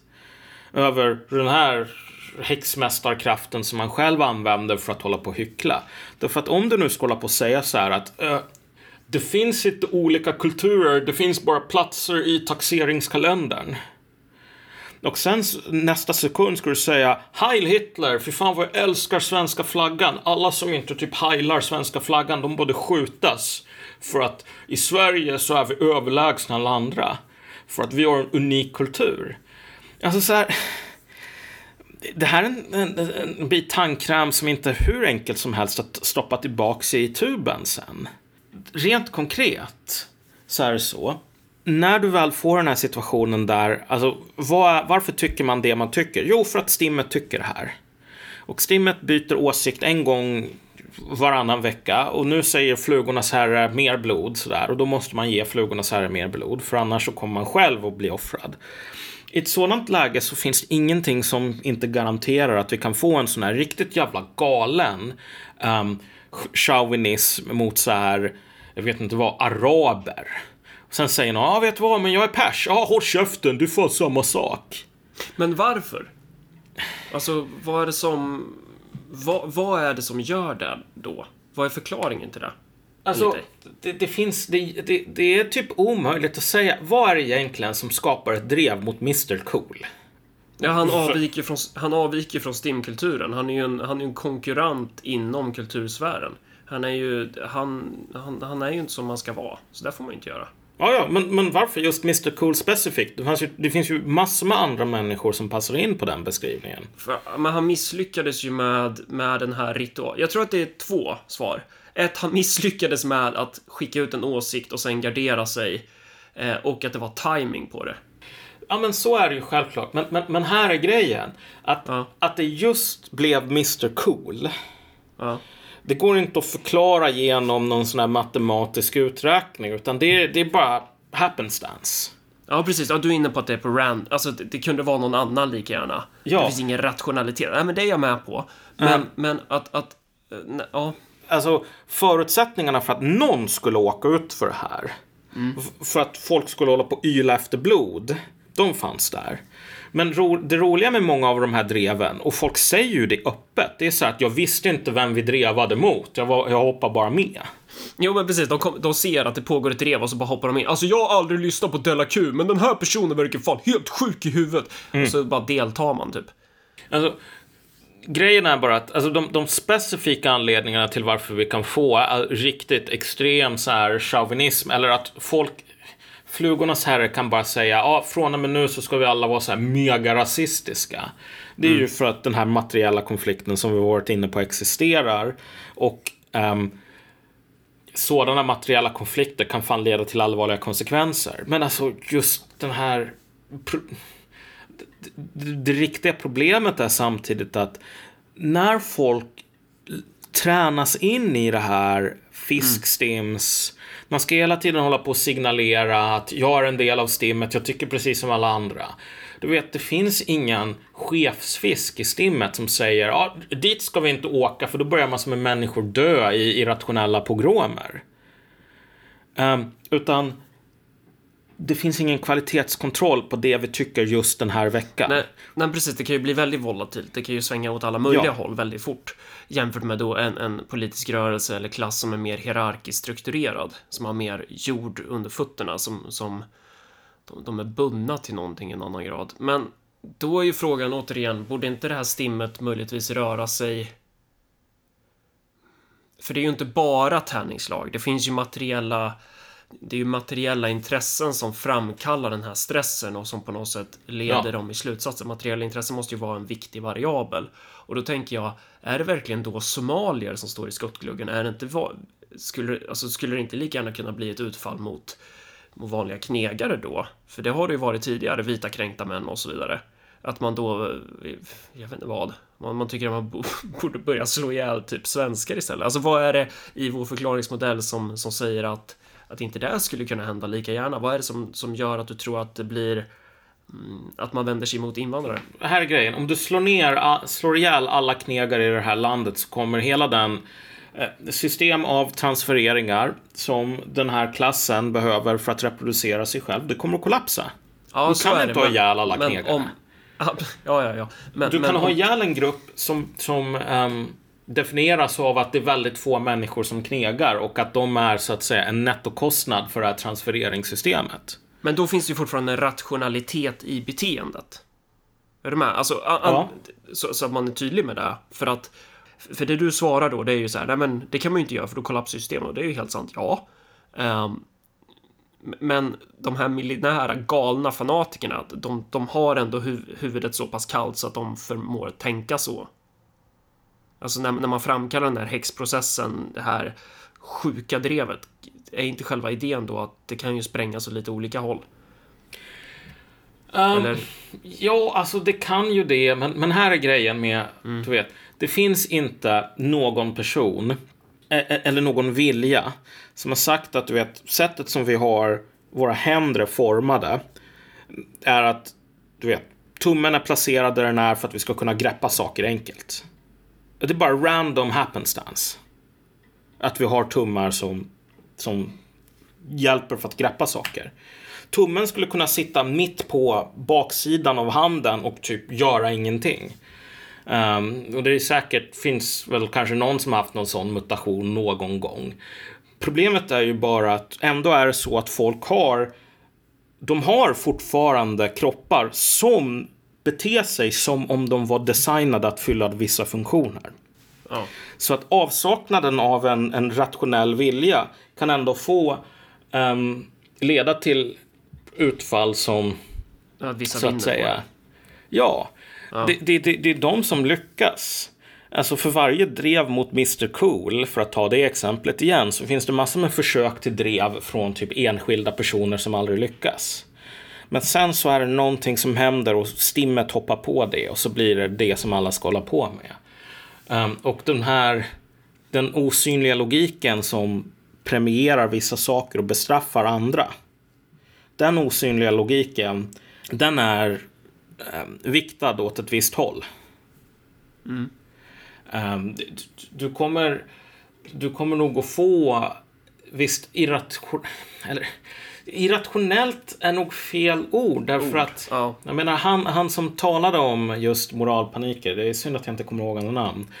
Ehm, men, men han Hans syn på såna här, det var ju att de var på ett plan, visst de var jävligt problematiska för att folk höll på att slå ihjäl varandra. Men de fyllde säkert någon sorts en, en konstruktiv funktion för människan i totalt sett så. Så han var ju inte helt negativ på typ idén om att bränna häxor. Så här. Det, det är synd om häxorna, men, men det här har kanske ändå något sorts värde. Men problemet här är ju bara att det är en, det är en riktigt farlig situation som vi befinner oss i nu. Och folk håller ju på att kalla mig jävla dummer hela tiden. Men men man måste ha i åtanke att när man blir ombedd att du vet att, att se på det galna som bara, ja ah, men det här är ju det som vi gör just nu. Hur kan man göra någonting annat? Alltså då vandrar man i precis samma fotspår som folk som faktiskt håller på och bränner häxor. För att man är i stimmet då? Ja, exakt. Och det är mm. därför som de människorna som håller på och bränner häxor sen blir mördade själva efter att den här galenskapen, den fasen passerar. Men, folk bara inser att men det här var bara någon psykiskt sjuk person som höll på att powertrippa. Det är en kille som swishade in här, Martin. Han eh, skrev grym podd, tankar om Death of Stalin-filmen. Du har inte sett den va? Nej, det har jag inte. Ja, jag har sett den och eh, jag rekommenderar den verkligen. Jävligt rolig. Uh, och på det temat så kan man väl säga just gällande utrensningarna i Sovjetunionen, för de, ja men det är ju typ, ja, det är ju en komedi liksom. Där stod ju utrensningarna som spön i backen. Där mm. lyckades man odla fram en stimkultur, för att det ska man ju komma ihåg att den historiska kommunismen har ju inte bara varit väldigt materiell och praktisk. Alltså man kanske ska göra en distinktion där, att arbetarrörelsen har tenderat att vara ganska materiell och praktisk. Um, men att kommunist, kommunismen hade ju också en religiös karaktär, så mm. som den kom till uttryck. Att man skulle ju inte bara elektrifiera landet, det var inte direkt där man byggde eh, det var inte bara där det handlade om, utan det var ju typ så här, ja men vi ska skapa den nya människan, vi ska skapa det perfekta mm. samhället. Och det, det går ju inte att skapa den nya människan och skapa det perfekta samhället. Så det gör ju att när du väl har sålt in en produkt som då kommunismen, då du märker att vi håller på att fejla. Det är ju då du måste börja då kommer ju huvuden börja rulla. Då mm. har du ju odlat den här typen av stimkultur, för det är väl det man ser i Stalins utrensningar. Alltså varför funkade det att ha den här typen av utrensningar? För man kan ju samtidigt argumentera då som emot det jag har sagt, att har du, har du en stark hierarki och en stark eh, liksom auktoritär rörelse så, så, så, är du mer safe från det här. Men, men det hade man ju inte då på något sätt. Det var ju någon form av stimkultur. Vad, vad skulle du säga liksom är Ja, Var, alltså... Varför de här utrensningarna funkade? Var, hur var mekaniken där? För att det är väl det som han i House of Government jämför häxprocesserna med då? Exakt. Um, jo, men precis. Jo, det, det, Stalin är jävligt intressant. Därför att det är på ett plan ett väldigt högt, en väldigt långt gången version av det som vi håller på att prata om och pratat om i det här avsnittet. Därför att man har den här perioden där um, och som Oswald Spengler sa, bolsjevismen, eller kristendomen är bolsjevismens mormor sådär. Så och man vi, hade ju... Och jag undrar fortfarande, vem, vad, vem, är, vem är steget emellan där? Vem är barnet? Ja, det, det, är väl typ jakobinismen kanske, vem fan vet. Ja. Men, men så här, man har den här fasen, man är man har någon form av eskatologi som är kommunismen. Mm. Eh, man har de här religiösa impulserna. Um, som är ganska icke-specifika. Så att väldigt mycket, det finns ju massor med exempel på bönder som håller på och sjunger. Först sjunger de Internationalen och sen sjunger de Marseljäsen.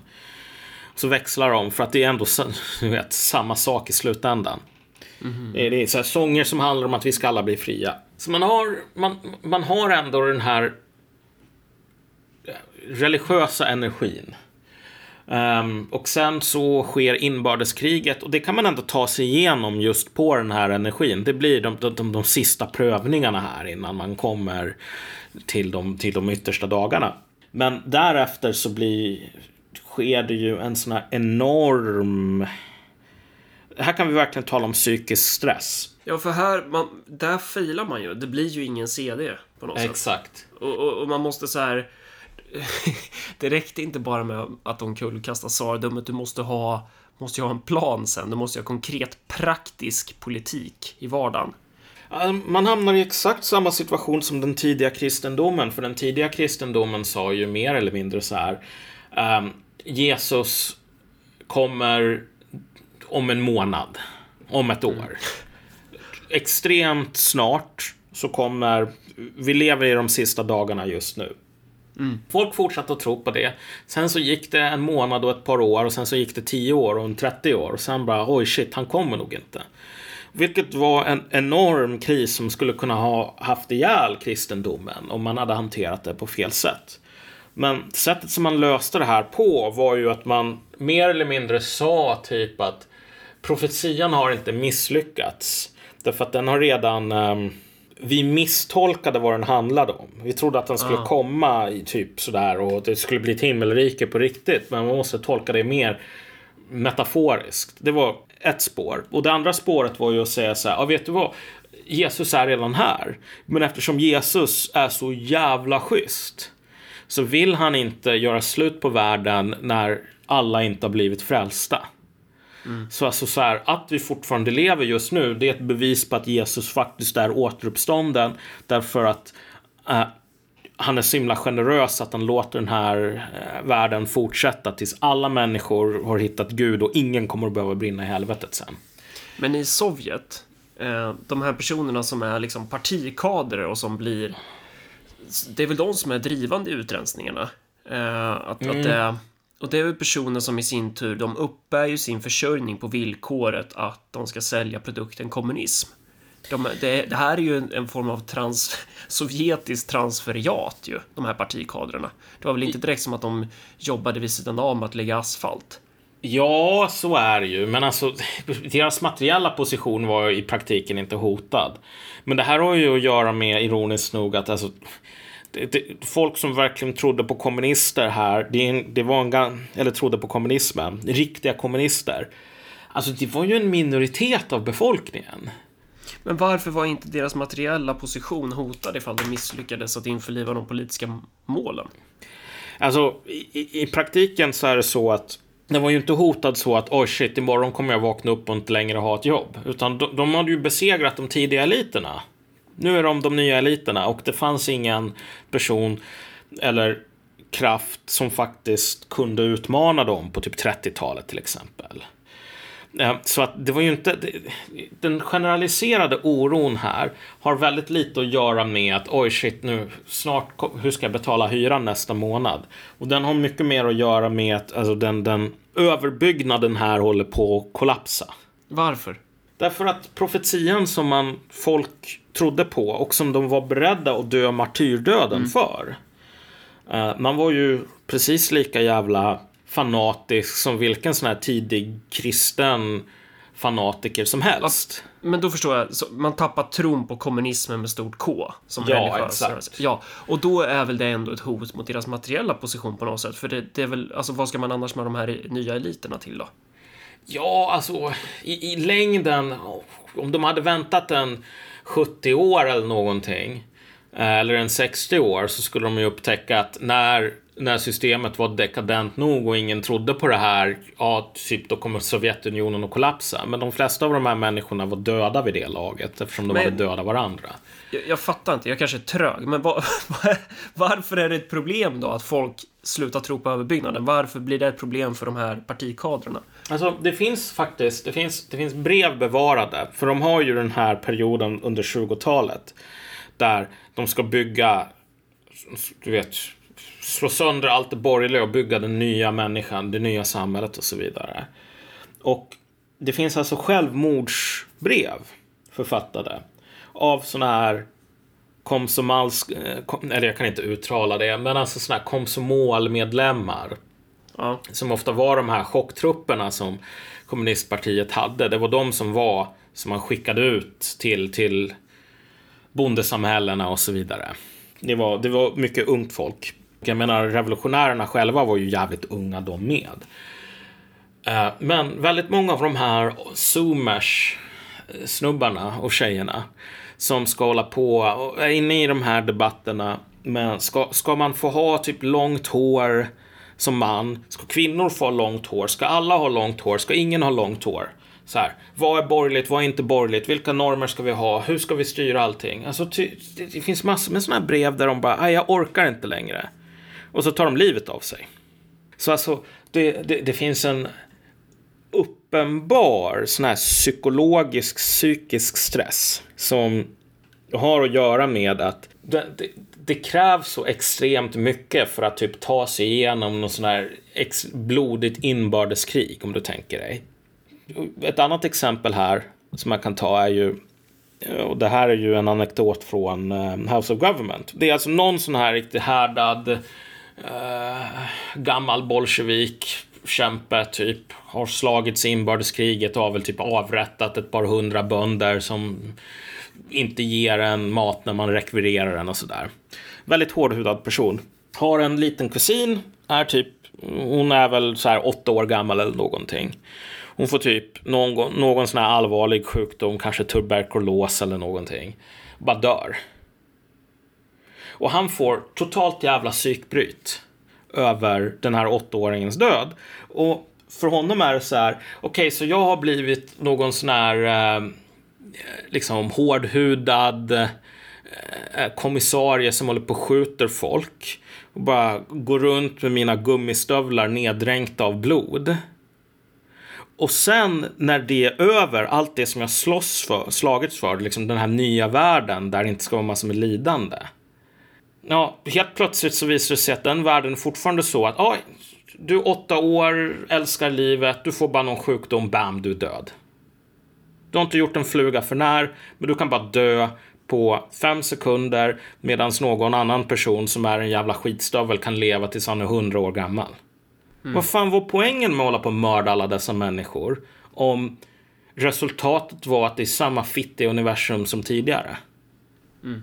Så det är liksom den sortens allvarliga psykologiska kriser som folk genomgår här. Att svaret på frågan varför slåss jag? Ja. Ändras. Okej, okay. Då förstår jag. Så det är på så sätt som överbyggnaden går sönder. Ja. Men därigenom borde det ju också finnas ett hot, direkt hot mot att om, om, om ditt jobb i samhället är att vara partikader och sälja svar på frågan därför slåss du. Och sen upptäcker du att folk slutar ju tro på det här. Mm. Ja, alltså... Då blir det ju... Ja, jo, ja, men alltså, du har helt rätt där. Men, men ja. om du tänker dig vilka man höll på att döda. Mm. Um, alltså, Stalin höll ju på att döda i princip alla som var ett hot mot hans position. Ja, det var ju de egna i partiet. Det var ju ja. revolution, revolutionens trupper som man slog ihjäl i princip. Och sen så dödade han alla som typ dödade folk. Så att ja, det. det. inte skulle vara någon vittnen. Men det som man måste förstå här är att det finns någonting mycket läskigare i den likvideringsprocessen än någonting som nazisterna höll på med. Därför att anledningen till, visst det finns en rationalitet här i Stalins agerande.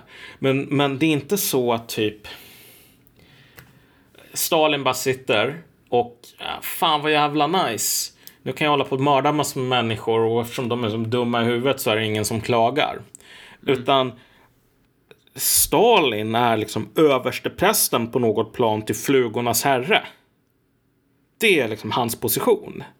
Mm. Den här, det här fiskstimmet, det är inte i, i alla fall i hans värld, tror jag, så är det inte ens han som är chefsfisken som bestämmer, utan han är bara den fisken som av olika anledningar råkar vara den som tolkar ut stimmets riktning lite innan alla andra. Han ser sig inte då, kan man säga, utifrån den här tesen. Han ser sig inte som en medveten ledare, utan han svarar bara på signaler helt enkelt. Exakt, exakt. Ja.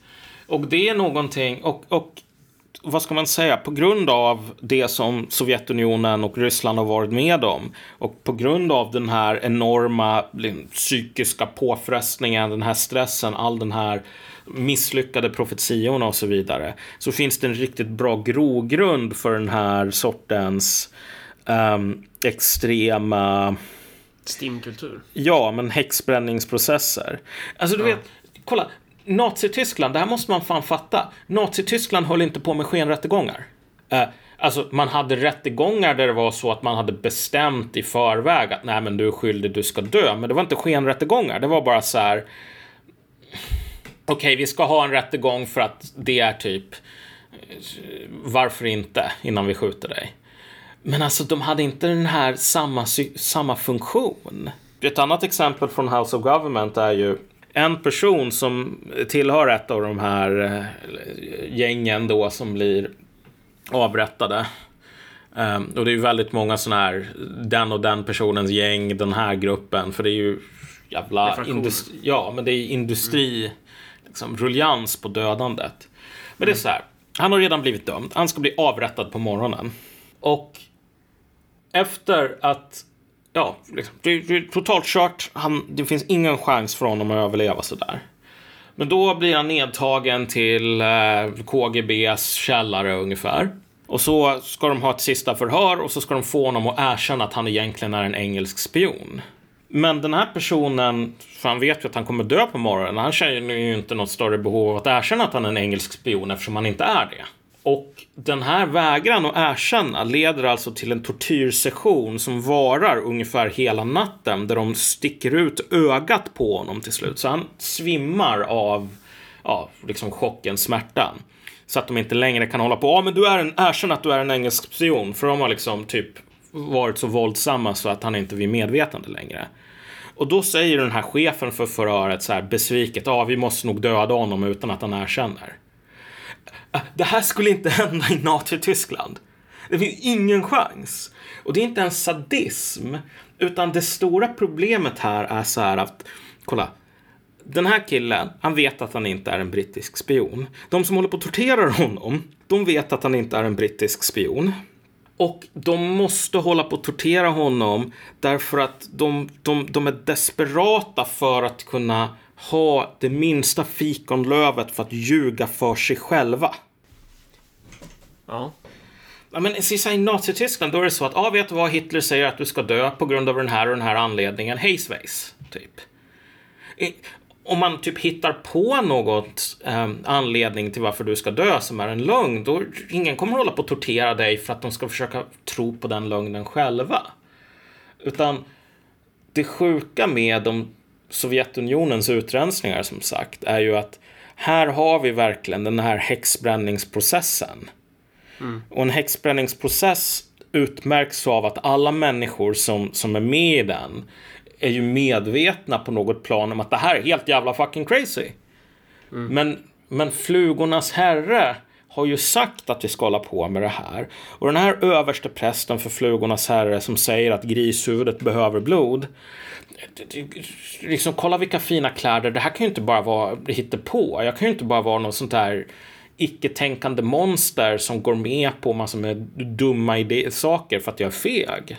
Det måste mm. finnas en poäng med allt det här. Det är lite som när man står där i tomtedräkten mm. och ska vara tomte. Och så säger barnen Hej Marcus. Och så måste alla vuxna försöka få barnen att spela med.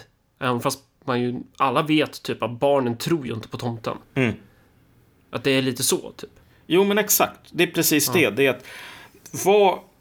Varför, varför skulle man... jag annars stå där i den jävla tomtedräkten och vara en idiot? Ja, varför den här tortyrsessionen pågår med en redan dödsdömd person mm. är inte för att torteraren behöver höra det här. Eller för att den här personen bara har ljugit om att han inte är en brittisk spion. Utan att det finns ett virtuellt barn någonstans. En, en, den stora andra. Som inte får, för typ alla i Sovjetunionen vet att det här är bara en galen jävla häxbränningsprocess. Men det här virtuella barnet ska inte få uh, ta reda på det. Och därför måste man fortsätta låtsas och därför måste man fortsätta låtsas även om man måste tortera och mörda folk. Så att åter till den här då diskussionen i Sverige då mm. om eh, förnedringsvåld. Det handlar om klass. Mm. Alla vet att det inte är så, men man tror att någon annan tror det och därför måste man fortsätta upprätthålla den myten. Mm. Och det är så mekaniken i den här typen av stimkultur och masspsykos fungerar. Mm. Att man gör det på något sätt för den stora andres skull. Ja, exakt. Och, och saken är ju den att alltså, när man gör det för den stora andres skull, då är det ju i en fas efter att man hållit på och ylat efter blod. Där man ska hålla på och låtsas att nej men jag håller inte på och ylar efter blod därför att typ jag är precis lika irrationell som människor på 1600-talet. Um, ehm, utan nej, det här var, du vet, det fanns en riktig anledning till det här.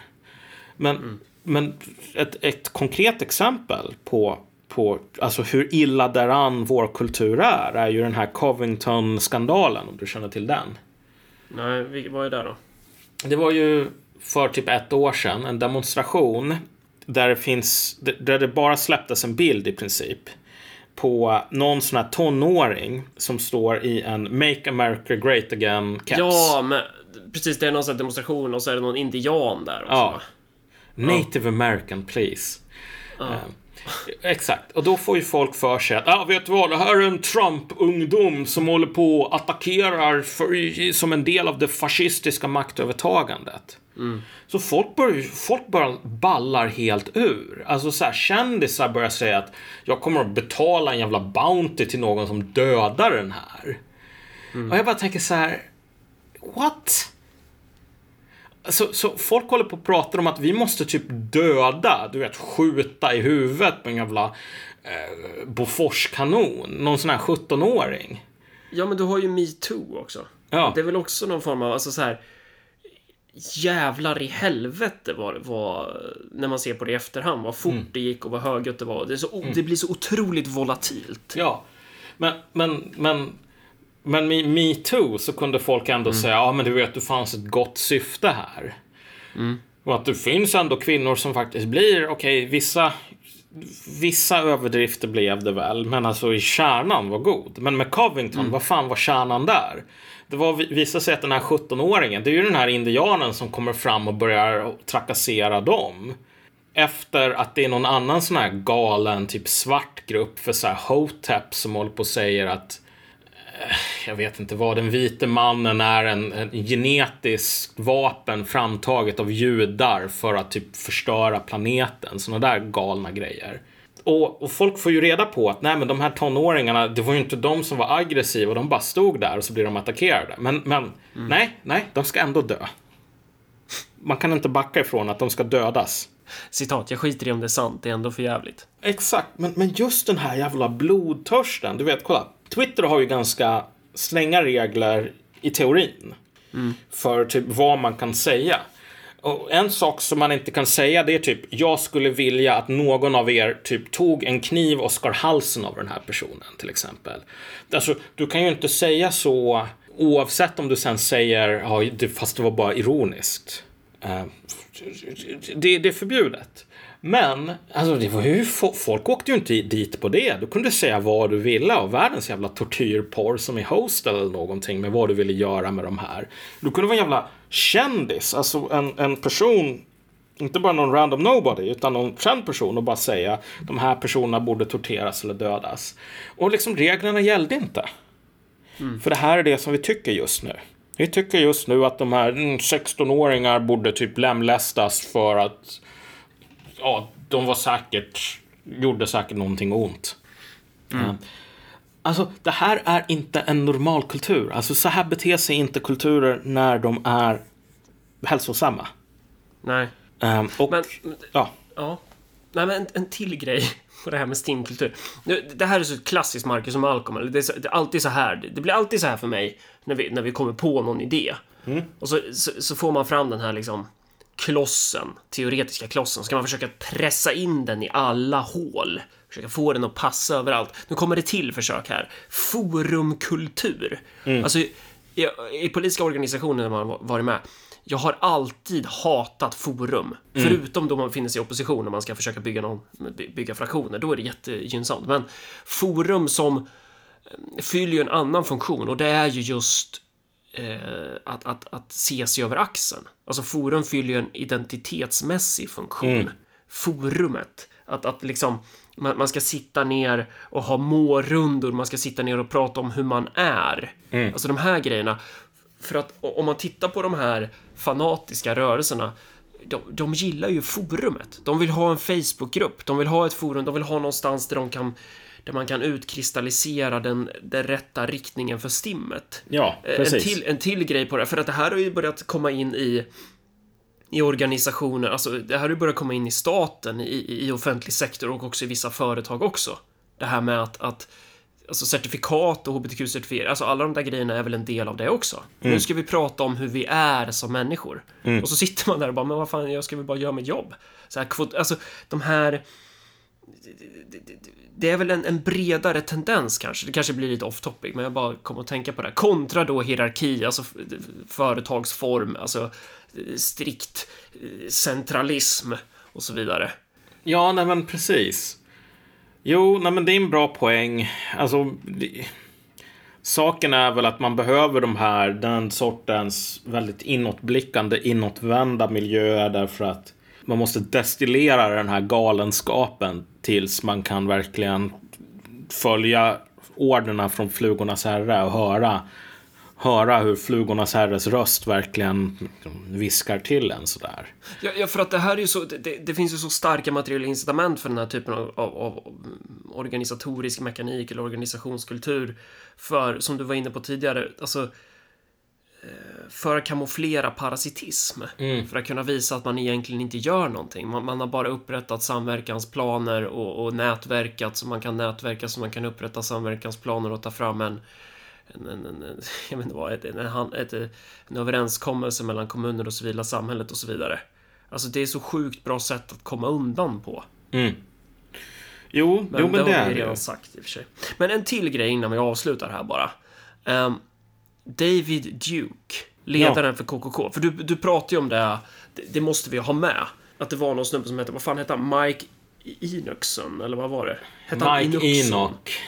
Mike Enoch. Ja, det är jag som är svenskifierad som vill lägga på son på alla namn. Eh, men eh, ja, vad var grejen med han då? Ja, just det. Att det här är ju... Det, det finns ju den här, eh, den amerikanska althögen sådär. En, en profil där heter Mike Enoch. Um, och jag har alltid tänkt så här att alltså hur, kun, hur kunde han komma in? Alltså Inok, Enok, eh, Noas förfader. Det är som om typ såg eh, bara håller på och eh, retas. Så här. Eh, men, men, men, hur som helst, nej, nej men han, det, det är väl det har väl ingenting med judendomen att han heter Inok att göra. Utan det är bara en slump. Men okej, okay. så, så han är alltså en stor profil trots att han heter fucking jävla Enoch. Uh, i, I den uh, judehatande althöger-rörelsen eh, uh, sådär. Och allt är frid och fröjd. Ända tills någon uh, modig liten mullvad kommer på att nej men vad fan Mike Enoch har, har ju varit gift med en judinna. Och inte vilken judinna som helst utan en sån här väldigt PK, vänsteristisk judinna. Och det här blir ju en stor skandal. Ja, och här måste man ju stoppa bandet. För att mm. här tänker man ju att hade det här hänt då med de här vänstermänniskorna, de hade ju blivit helt skogstokiga. Man hade ju drevat ja. ut den här jävla judeälskande fake-nazisten som bara fan typ. Det kanske var vad, vad man började göra då också i och för sig. Alltså Enoch är ju fortfarande kvar. Jag tror han kanske ja. får några gliring, gliringar av det där. Men jag menar nej, han har ju inte förlorat mycket anseende. Utan i det här, när folk ja. bara kommer på att nej men vänta lite nu, vi ska ju fan vara så här vita nationalister. Vi ska ju inte typ gifta oss med judinnor. Uh, och vi ska inte gifta oss med judinnor som är så här tokvänster. Det, det går emot ja. hela poängen med det här. När folk börjar påpeka det. Visst, det finns ju folk som vill kasta ut månglaren ur templet och så vidare. Men hur man sköter det här inom rörelsen är ju att folk bara säger, ja vet du vad, ingen är perfekt. Mm. Och typ David Duke, så här, för detta ledare för Ku Klux Klan.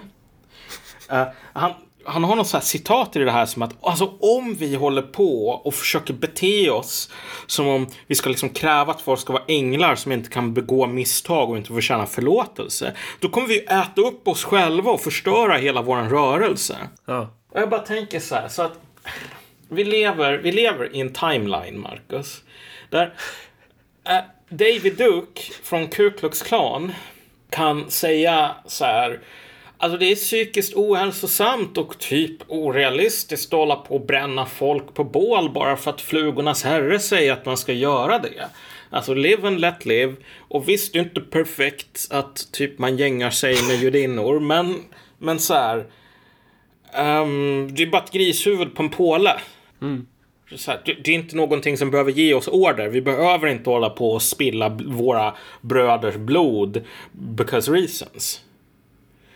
Uh, medans, som, som du sa innan, mycket mindre snedsteg kan liksom leda till att dina gamla kamrater inom vänster på vänsterkanten kan hålla på typ, jag vet inte vad, försöka få dig sparkad och hålla på typ mordhota dina barn ungefär. Men eh, om vi tittar på Ku Klux Klans klassposition.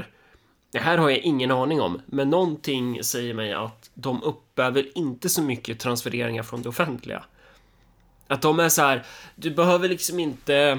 De skickar typ inte in en ansökan till MUCF. Nej, eh, nej. Och, nej. Det, det, det, det är nog det är ganska kört faktiskt. Ja. Det är ganska kört om du är med i Nordfront och får någon sån här eh, eh, liksom, x antal miljoner som Allmänna armsfonden har konfiskerat från massor med gubbar och gummor som har trillat av pinn. Nej, du har ingen chans. Ehm, så, så jag menar visst, alltså det finns ju den sortens totalt annorlunda position här i relation till produktionen. Gör ju att alltså man behöver inte hålla på och konstant hålla på och offra människor. Men det är fortfarande så jävla, det är så jävla tragiskt att det är typ där vi är nu. Att eh, om vi tänker oss den goda rörelsen, den goda sidan. Du vet, vi som slåss för rättvisa, socialisterna. Det är ju Mad Max, Flugornas herre, allt den där skiten. Medans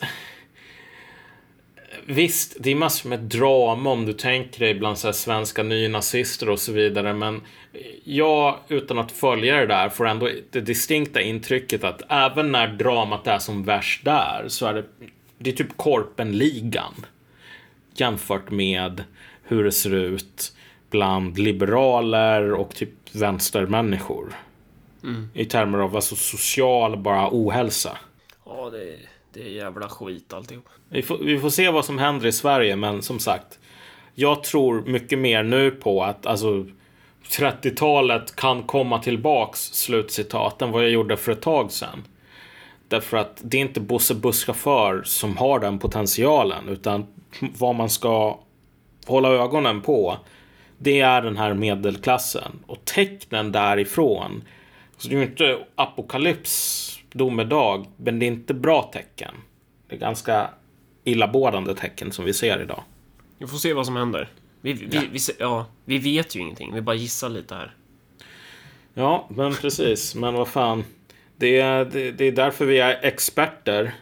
Vi, vi har ingen källa på det här.